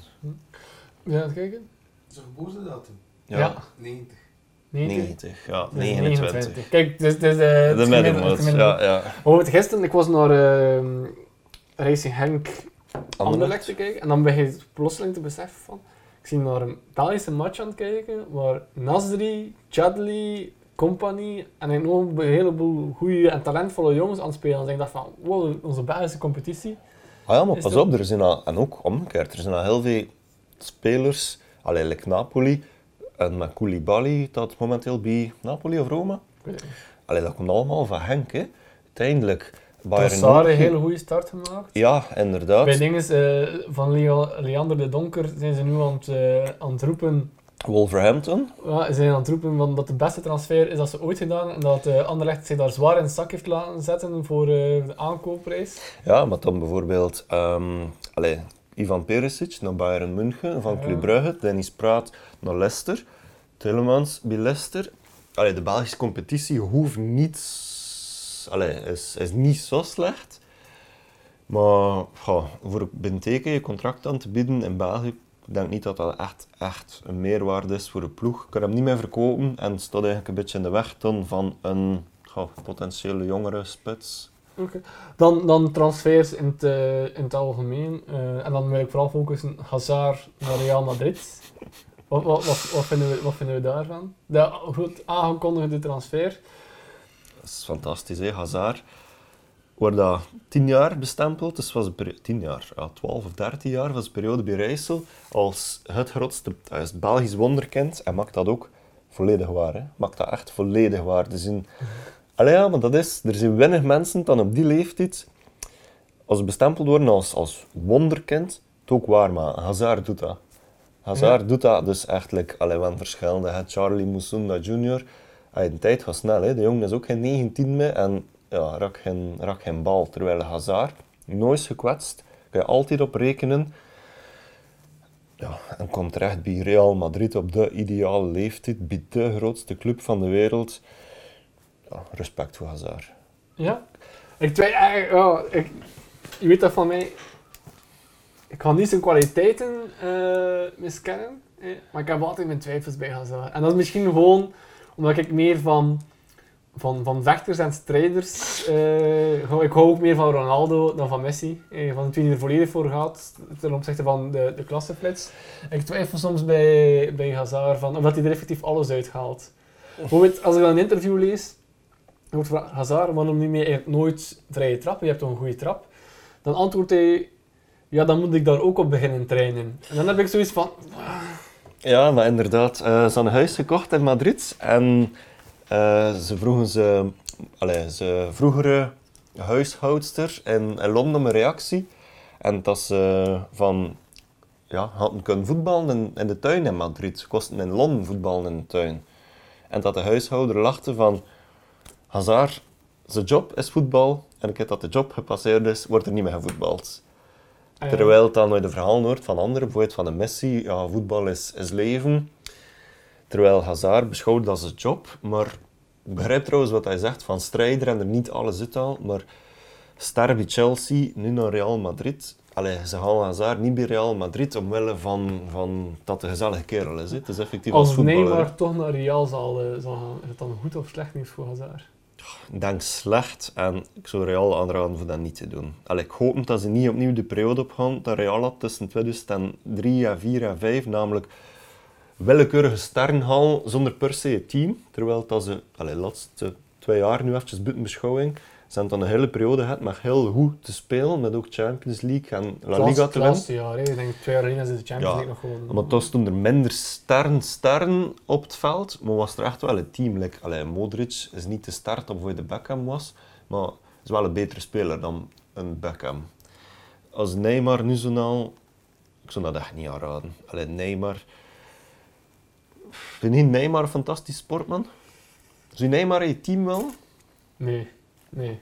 Voilà. Wij zijn dat Neymar een fantastische voetballer is, met ongelooflijke kwaliteiten. We moesten vragen om mee te komen doen in ons zaalvoetbalploegje, zou ik zeggen, ja, kom maar een keer af. Maar ik zou er geen 200 miljoen voor betalen. eh. Oh nee, zelfs dat niet. Ik zou hem zelfs niet betrekken in de spelersruil, omdat ik niet weet of dat Neymar over een volledig seizoen echt, echt een meerwaarde is naar je stabiliteit van je team. Ja, dat, ja, het is wel, pas op, vooral duidelijk, ik vind hem wel een mooie speler. Absoluut, Ja, absoluut. als hij in vorm is, eh, dan, dan is dat de speler waarvoor dat je naar het stadion komt. Ah ja, pas op, potentieel voor naast Messi te staan. Hè. Daar twijfel ik op zich niet aan, maar het probleem is dat de laatste twee jaar Ook weer blessure. aan hem, ja, en ook dat totaal niet waar maakt. Hè. Dus, allee, Neymar is 26. Het is al van zijn 24ste geleden dat hij echt, echt ja, geschitterd had. Hè. En tot met sterren als een Hazard, als een Messi, als een Ronaldo, hij dat niet. Hè. Die man schitteren jaar achter jaar.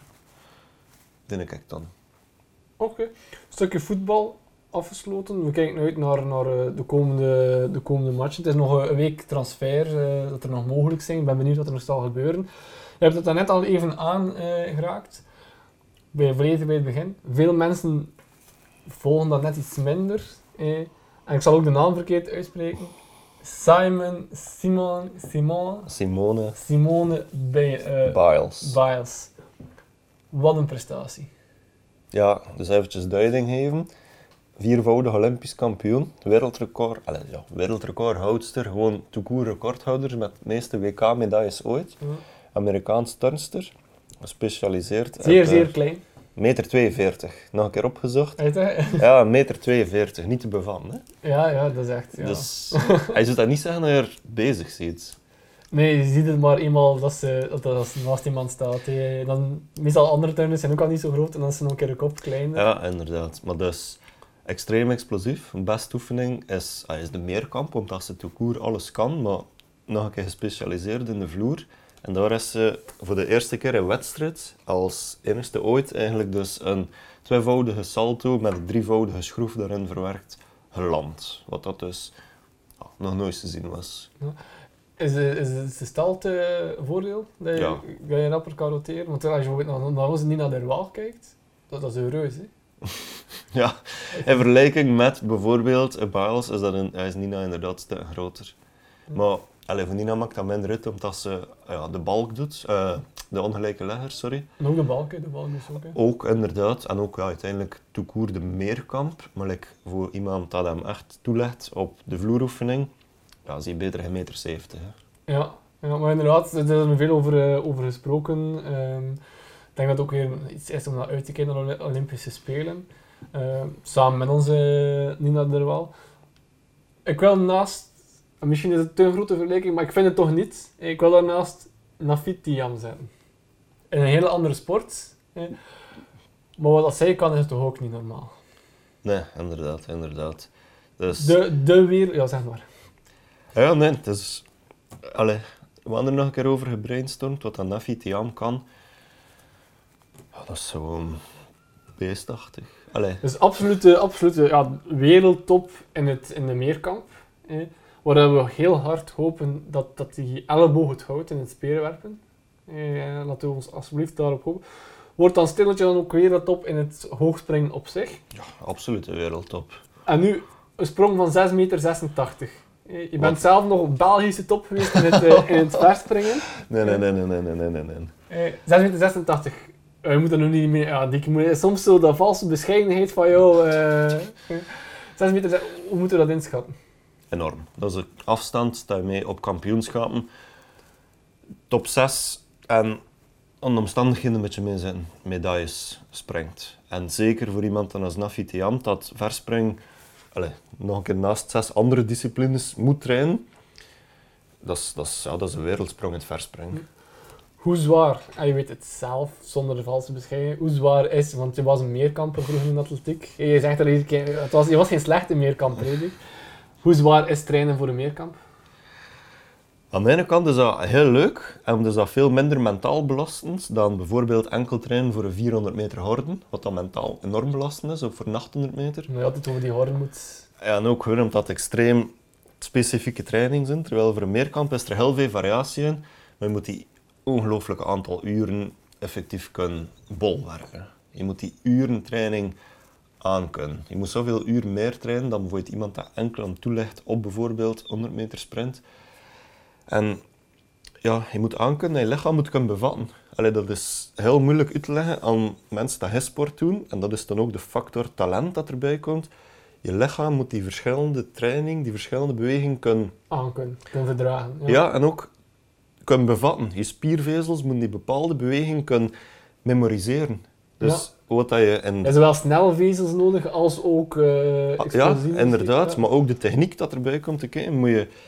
Ja, het mensen dan een bepaalde beweging, bijvoorbeeld specifieke bewegingen in, in speerwerpen, dan dat honderd keer moeten doen voordat dat onder de knie is. En dan moet het kunnen blijven herhalen voor het stabiel te houden. Ja. Terwijl in de meerkamp heb je die tijd niet voor dat zoveel op te trainen. Je lichaam moet op een of andere manier... Als meerkamper moet je dat talent hebben voor met relatief weinig aandacht toch dat te kunnen. En daar is Nafitian, ja, blinkt ze gewoon enorm in uit. Hè. Een keer de prestaties van haar meerkampen allee, gedestilleerd. Ze had Belgisch record speerwerpen. Ze had Belgisch record verspringen. Ja, uiteraard Belgisch record meerkamp. Eh haar hoogspring was niet van Tia Hellebout dat een enorm, een beestachtig record, Belgisch record hoogspring heeft gezet. Of Eh, meter en 205. Ja, Ja. en Tiam zit nu aan 202, wat dat je Olympische medailles mee springt. Eh, eh, Dus allee, ze is nu in bezit van drie Belgische records, wat dan er hoogspring hou ik wil zeggen, wat dan er vlotjes vier kunnen zijn. Dat is dus enorm. Hè? wat, eh, wat zijn er werkpunten nog naar de toekomst toe?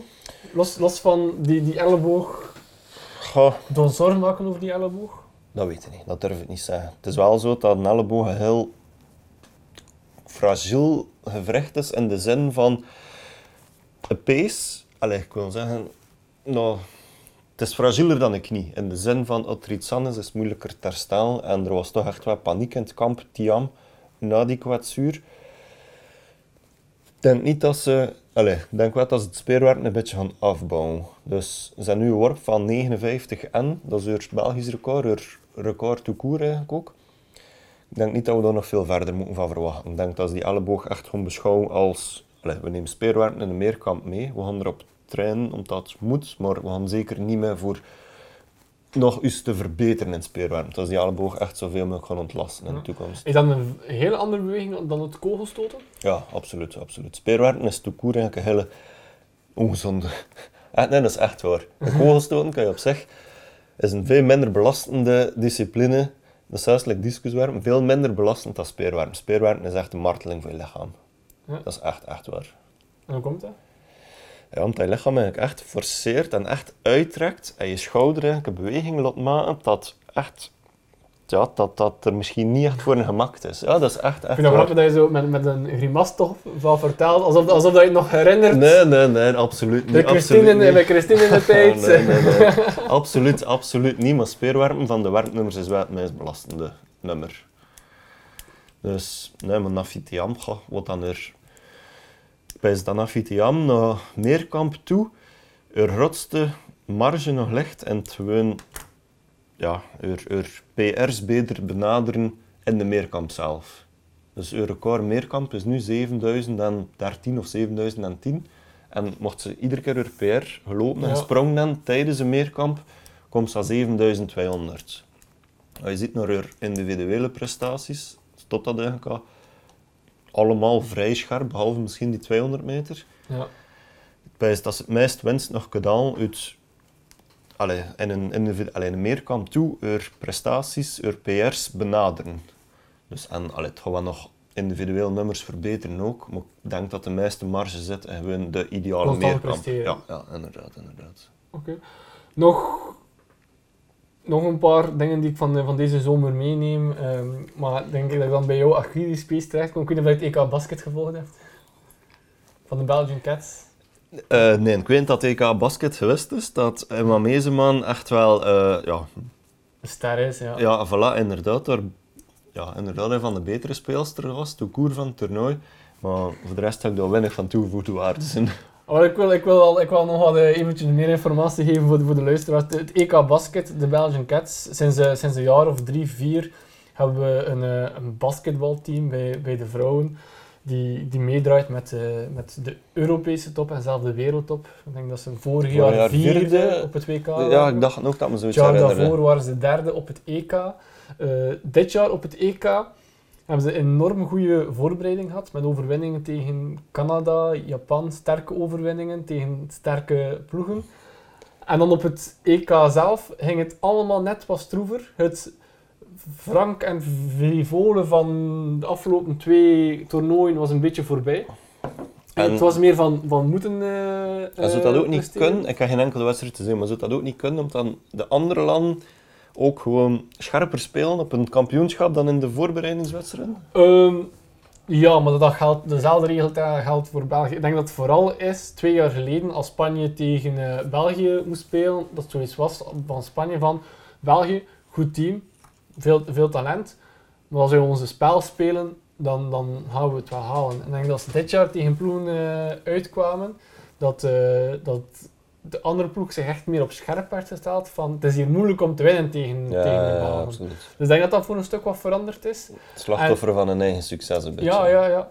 Ehm, zorgen altijd voor enorm, enorm spannende wedstrijden. hè. Dus als het EK eh, of het WK of het eh voor-Olympisch eh, Toernooi. toernooi is, moet je, moet je als sportliefhebber zeker kijken. Het is fantastisch. Eh, het niveau van die vrouwen zit ook echt goed.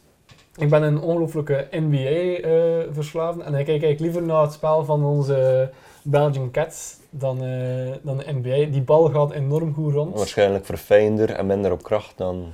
Ja, ja, er wordt minder op, op kracht dingen, dingen gedaan, maar de ballen gaan echt goed, goed rond. Het wordt goed, goed gespeeld. eh. En de toekomst van Anne Wouters? Is er nog een toekomst bij de nationale ploeg? Ah wel, Anne Wouters, ik kan dat nu zeggen, die zal in september eh, bij ons de gast zijn, dus dan gaan we daar uitgebreid eh, over spreken. Eh Anne Wouters is 38 of is... 39 is wat, wordt jaar 80. Ja, maar ze is 38 en ze wordt 39 in, in oktober. En in, tijdens het EK werd altijd bij haar leeftijd 39 gezet. Eh, en die heeft daar toch wel een keer een mopje over gemaakt van Ola, Ola, het is nog maar 38. Ja, ja, ja. Eh, ehm, maar ehm, ja, Wouters is al wel een tijdje geblesseerd. Eh, ik vond haar, en ik hoop dat ze nog steeds wil komen, dit EK niet echt sterk. Eh, kan ook niet anders, maar volgens mij heeft zij een enorme, enorme waarde in, in het team. Als, ja, ik heb dat onlangs gedaan als voorbereiding voor het feit dat ze binnenkort komt naar en wel- welke ploegen dat ze gespeeld heeft, welke, welke doelstelling dat ze gehaald heeft. Fantastisch. Ja, een carrière van bijna 20 jaar. Ja, maar, eh maar eh, Meeseman is op dit moment, Beter. ja, op dit moment veel beter. Eh, Ik denk dat Anne Wouters een gemiddelde had van twee punten per wedstrijd, terwijl bij Meeseman is dat iets die net over de 20 is. Maar ook andere, andere cats halen een heel hoog niveau. En ik hoop effectief dat ze zich kunnen selecteren voor de Olympische Spelen, want dan kunnen ze daar wel volgens mij zelf verrassen. En bij deze doe ik gewoon een oproep aan alle luisteraars, eh, want dan je er ook uithalen. Als de Belgian Cats spelen, ga gaan kijken. Het kost maar 5 euro voor live te gaan kijken. Op tv zenden ze het ook eh, af en toe uit. Ik vond het zeer frustrerend dat ze bezig waren met een, ja, hoe was het? Ehm, de WK U19 of? of ja, inderdaad. dus met een willeke- ze waren bezig met een EK. willekeurige wedstrijd van het EK Van het voetbal bij de jonge Rode Duivels. op, op tv. aan nee, nee, het was zelfs niet de Rode Duivel, het was eh, oh, Spanje tegen, ik weet het niet meer. hè. En op hetzelfde moment speelden de, de Belgian Cats een selectie, een voorbereidingwedstrijd ehm, tegen Japan. Japan die echt een goed team, eh, team is. En de Belgian Cats vliegen op een livestream op Sporza zonder commentaar. En de U17 of U19 wordt live uitgezonden met commentaar in primetime op, eh, op de VRT of op, eh, op Canvas. Dat vond ik wel, de Belgian Cats mogen er wel iets meer met, eh, met trots omgaan. Maar kijk, ik ga basket afronden. Binnenkort, binnen, ja, denk ik binnen een week of drie, vier is het, komt Anne Wouters, dan gaan we er uitgebreid over hebben. Ik wil nog afronden met voor mij een absoluut hoogtepunt van deze, van deze sportzomer. Ook al het EK hockey is ook nog bezig, dus misschien kan, kunnen zij ja, het inderdaad. op maandag wordt de podcast uitgezonden, dus tegen maandag gaan de kijkers al weten of het een hoogtepunt wordt of niet. Nu is het sowieso al fantastisch, maar de Wimbledon finale bij de mannen. Dat was om Ja, hoe zeg je dat? Duim en, duimen en vingers af te leggen. Ja, ik vind dat een rare uitdrukking, want een duim is ook een vinger. Maar, maar, maar, maar, maar court, wat een finale. Ja, en vooral vreemd dat dan opnieuw weer diezelfde twee zijn. Hè. Ja, en je mag Nadal er nog tussen eh, bij, Ja, bij ja, ja. plaatsen. Je mag ze alle drie volgens mij op, op een lijn zetten. Fantastische finale. Ik vind het echt jammer dat de Federer niet gewoon heeft, heeft een matchpunt gehad. Ik heb het ook veel meer voor Federer of voor, eh, voor Djokovic, maar dat is mijn persoonlijke voorkeur. Maar die, wat, een, wat een niveau. En al ook wat 10 een jaar of al 15 jaar lang aan een stuk. Federer is volgens mij ook 37, 38. Dat is van 81, dus verder is 38. Ja, dat is, dat is toch niet normaal. En dat er ook niemand is die daar In de buurt komt. in de buurt... eh, Andy en- Murray, Andy Murray heeft, heeft het aangeraakt, hè. Had ertussen gestaan. Andy Murray had in die periode, in de topperiode van Federer, Nadal, Djokovic, had er ook drie gewonnen, drie Grand Slams, Olympisch kampioen. Enkelspel in Londen, dus met een enorme druk op zijn Ja. schouder. Maar kan het niet aanhouden. Allee, ja, uiteraard is het nu oh, een zware heupoperatie, twee heupoperaties. Maar toch een jaar of twee hem er echt tussen genesteld. Ja. De rest, als je naar de afgelopen 15 jaar gaat kijken, Is het enkel die drie. En dan heb je nog een keer Del Porto, Del, Del, Potro. Del, Del Potro heb je nog een keer. En dan heb je nog een keer eh Vavringa, Stanislas Vavringa, die het ook eventjes erbij heeft. Ja, maar dat was heeft, er nooit... twee, heeft er twee gewonnen, hè. Vavrinka 1, dacht ik. Roland Garros. Zeker. 2015, dacht ik. En En hij zal dan ook in de US Open. hoor. Kijk, we zitten met de factchecker Stanis, Stanislas. Vavrinka. met een W. Nee, maar Andy. Murray had echt tussen staan. Ook nummer 1 geweest in de wereld. Dan ja, Del Potro.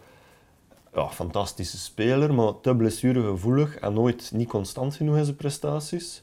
Hetzelfde van allez, Stanislas Vavrinka. Meer pure gravelspeler. Weet, ik, krijg, al een blik dat, dat er al nieuws is. Drie, drie Grand Slam. Kijk, toch, toch drie. Dus heeft er Ja, ook wel even, eh, Ja, even bij gestaan. Maar het blijft toch niet normaal, die drie. Nee, inderdaad, die consistentie. Allee, En dat niveau, dat niveau van die Wimbledon finale, dat is letterlijk van minuut 1 tot de laatste slag, is dat op topniveau dat je zoiets hebt van, amai. Ja, maar dat is inderdaad zot, zot. Allee, tennis is een wereldsport, gaande van Australië tot Amerika, Rusland, Zuid-Amerika. Echt een wereldsport.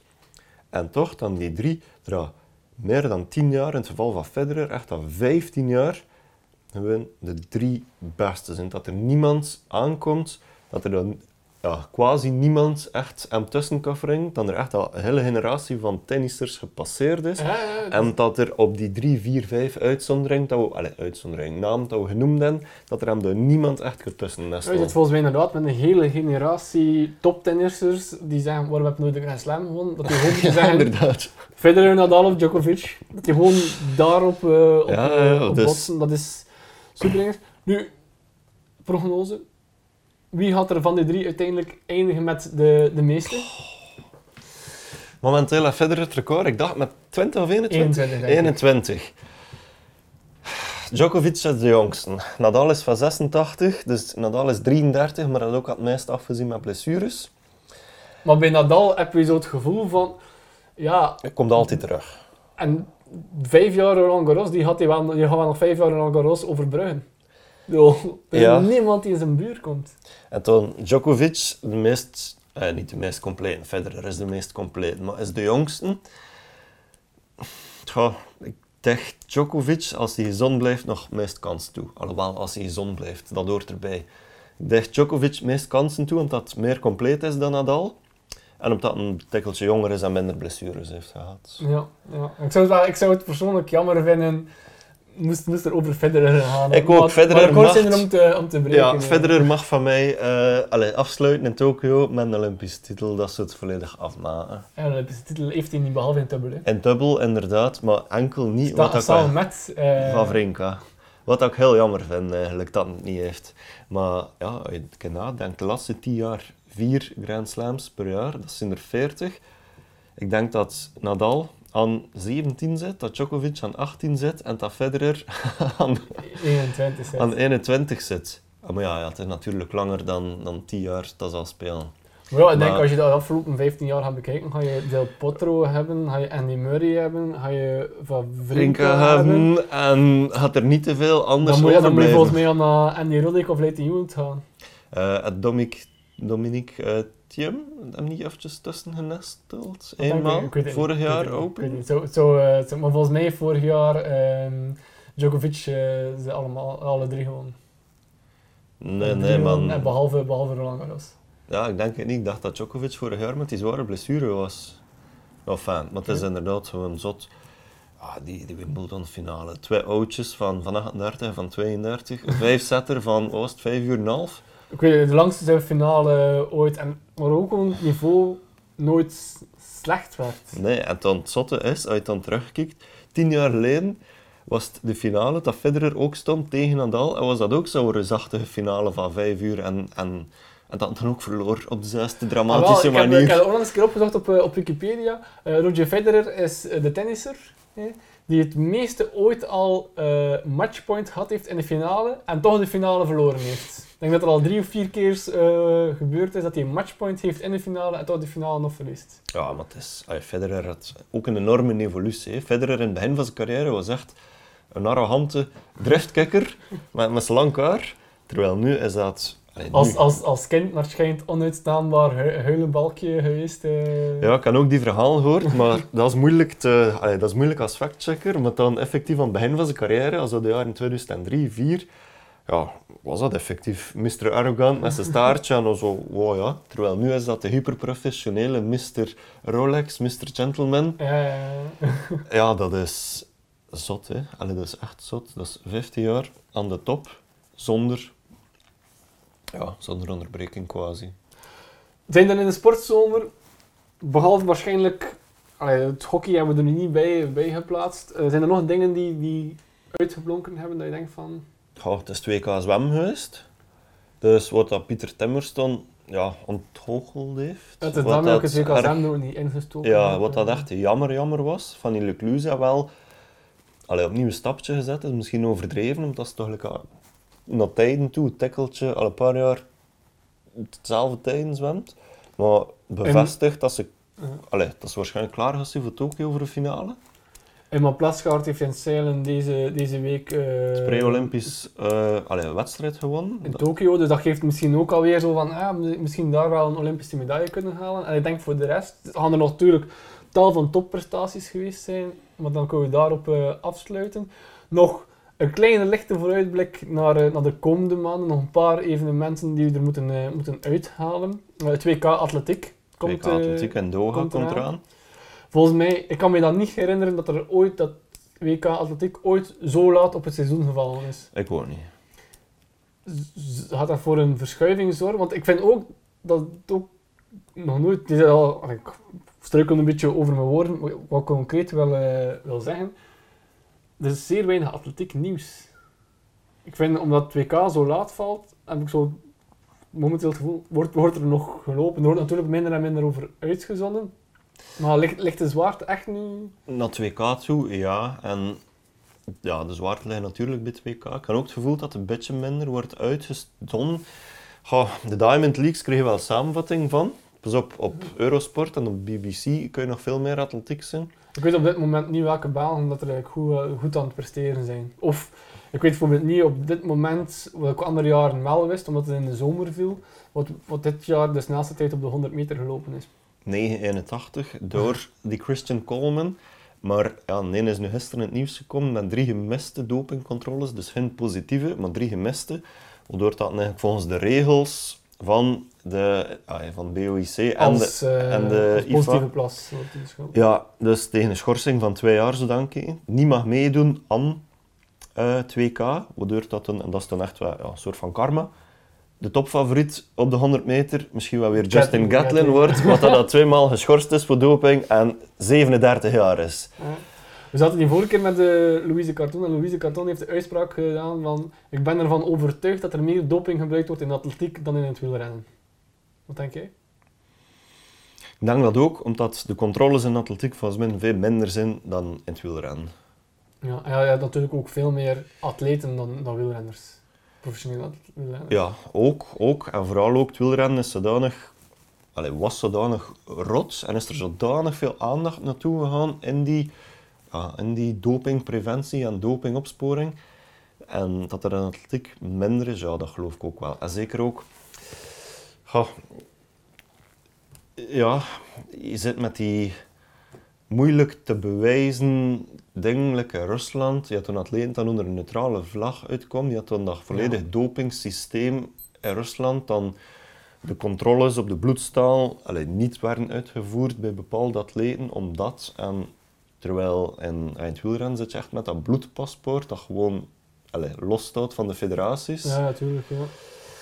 Maar allee, doping gaat altijd een probleem blijven. Van de gekste foto's dat van die zaak in die Oostenrijkse dokter met die langlopers. Ah ja, ja dat, dat is een, eh, Dat je daar dat is een echt- filmpje. hè, Die, die foto ziet van die bloedtransfusie. Ja, dat is gewoon... Ja, ja daar was een zakje broek van af. Hè. Dat is gewoon... Vra ah, ja, maar ja, dat is weer wraakroepend. Als je dat ziet en je weet gewoon dat dat nog gebeurt. Maar Welke, naar welke mensen moeten we uitkijken op het WK? Wie zullen de sterren zijn? Want het zal het eerste WK zijn zonder een bolt. Eh, Wie, zal, wie, zal, wie zullen de sterren zijn van, eh, van dit WK? ja, ja, Nafitiam, dus kijken we uit naar België. Allee, als België. Ja. Maar is Toekoor ook een van de sterren van, ja, van de atletiekwereld. Dan ja, op de 100 meter bij de man, het koningsnummer, ja, is nu een beetje... voelde een beetje wrang aan met die Het Christian is, Coleman. het is aan het hoofd met, eh met uh, Usain Bolt natuurlijk. Eh, en de mensen die er nu achter staan, die mensen die al even lang meedraaien op Bolt, en die allemaal wel een beetje ja, aan, de, aan een tuig gezeten hebben. En toen, allee, de echte voorbereiding, dat is niet juist het woord, de echte spanningsopbouw naar het WK is eigenlijk nog niet begonnen. Er zijn ook veel Belgen die er nog niet gekwalificeerd zijn. Ja. Dus bijvoorbeeld de Hanne Klaas op de 400 horden of Camille Loos op de vlakke Vier- 400, Ja. nog niet gekwalificeerd. En natuurlijk ook nog tijd. Jonathan Sakur, ook nog niet gekwalificeerd. Komt ook toch niet echt aan die tijden van vorig jaar, maar had ook nog tijd. Goh, als Belgen is het ook uitkijken dan naar de 4x4, wat dat ja, het laatste WK van de tweeling gaat zijn. Volgend jaar in Tokio stopt het. Denk je? Eh, Zo is toch gezegd geweest. Ah, ja. Ah, zo zeggen ze, geven ze ook zelf aan. Dus, en ook, ja, ze zijn 31 op een nummer als 400. Allee, ze zijn er bezig sinds 2008, de Olympische Spelen. Je weet ook wat dat de 400 meter inhoudt, welke opoffering dat, dat vergt van een lichaam. Voor dat 11 jaar aan een stuk Ik had heb te ook doen. echt specifiek voor een 400 getraind. eh, Maar allee, ik, had er wel iets, ik had er wel iets bij voorstellen, hè, natuurlijk. Nee, maar van internationale sterren, goh, Daphne Schippers slaagt er niet in voor, Ja, ja, voor die, die start dat ze eventjes geweest is, voor dat te, Nee, ja, ja. voor dat te blijven. Het is toch, allee, we zijn nu een beetje rond de pot aan het, aan het draaien met de vraag gesteld. We kunnen toch concreet zijn, op dit moment heeft de atletiek naast Nafitiam geen ster. Wapens op. Dus de, die mannelijke tien kan ook zijn naam alweer niet... eh, Kevin, Ma Kevin Mayer is de, de wereldrecordhouder bij Ja. de teamkamp. Is, ja, is, is een droomatleet. Ziet er goed uit. Is, hij is de meest complete atleet ter wereld. Eh, je had dan Katrina Johnson eh, en Thompson sorry, uit Groot-Brittannië, de grote concurrent van Nafitiam. Is daar ook echt wel een ster. Je had de Noorse broeders eh Ingebrigtsen. Dan ja, de toppers in met de Won- 1500 zeker. ja, Ja. alle afstanden quasi. met, ah, met wonderkind Jacob, dat ook dus naar het WK gaat. Dus wel wel ding van dat uit te kijken, maar inderdaad, met dat er een beetje minder aandacht is de laatste jaren voor atletiek. Ja, en ook het ontbreken van Usain Bolt. Usain Bolt was echt een zegen voor de atletiek. Hè. Ja, ja, ja. En dat ontbreekt momenteel misschien wel een beetje, inderdaad. Het is top. Ja, een WK kan misschien ook al een moment zijn dat er iemand Opstaat. eh, ja, absoluut, absoluut. opstaat. Laat, laten we dat hopen. Ik denk dat atletiek dat een klein beetje nodig heeft. Voor de rest, we hebben eigenlijk al de dingen al wat besproken. ehm, de Vuelta komt eraan. Van de drie grote rondes altijd degene die het met minste aandacht krijgt. Maar die meestal wel tof is om naar de finales te kijken. eh. Ja, absoluut. Zijn er, eh, zijn er namen eh, waarbij dat je denkt van... Dat zal het worden? Moeilijk. Nee, eigenlijk niet ja, echt. Echt. altijd. Allee, de titelverdediger is er niet bij. Valverde is te oud. Quintana ja, verandert van team. Dus welke motivatie... Allee, niet van motivatie, maar welke steun gaat nog krijgen van Movistar? Eh, goh, de Ecuadoraan dat de Giro gewonnen had, Al Alcaraz. Die start niet, hè? Start niet. Niet echt een top-top favoriet. Maar we kijken uiteraard uit naar, naar het komend sportseizoen. Binnenkort zullen we nieuwe afleveringen uitbrengen. Anne Wouters komt nog. eh, Emma Plaskaart komt eh, onder andere nog. Ehm, er zijn er nog een paar dat ik nu niet echt kan, eh, kan opkomen, die, die al ingepland staan. Ehm, binnenkort, waarschijnlijk het einde van het jaar, gaan we dit nog een keer doen. Voor, Terugbeschouwing op het, het volledige jaar. Oh, misschien op het volledige jaar, maar misschien ook op het, eh, Komend het jaar. winter. Of op het komend jaar. Ja. We zullen al sinds nog een dik, we zullen al sinds nog een keer uitnodigen voor iemand die toch deze zomer veel in een tentje heeft gezeten. Eh onze kennis van de sport toch, toch niet minimaal. Dus eh, bedankt om hier te zijn en tot de volgende.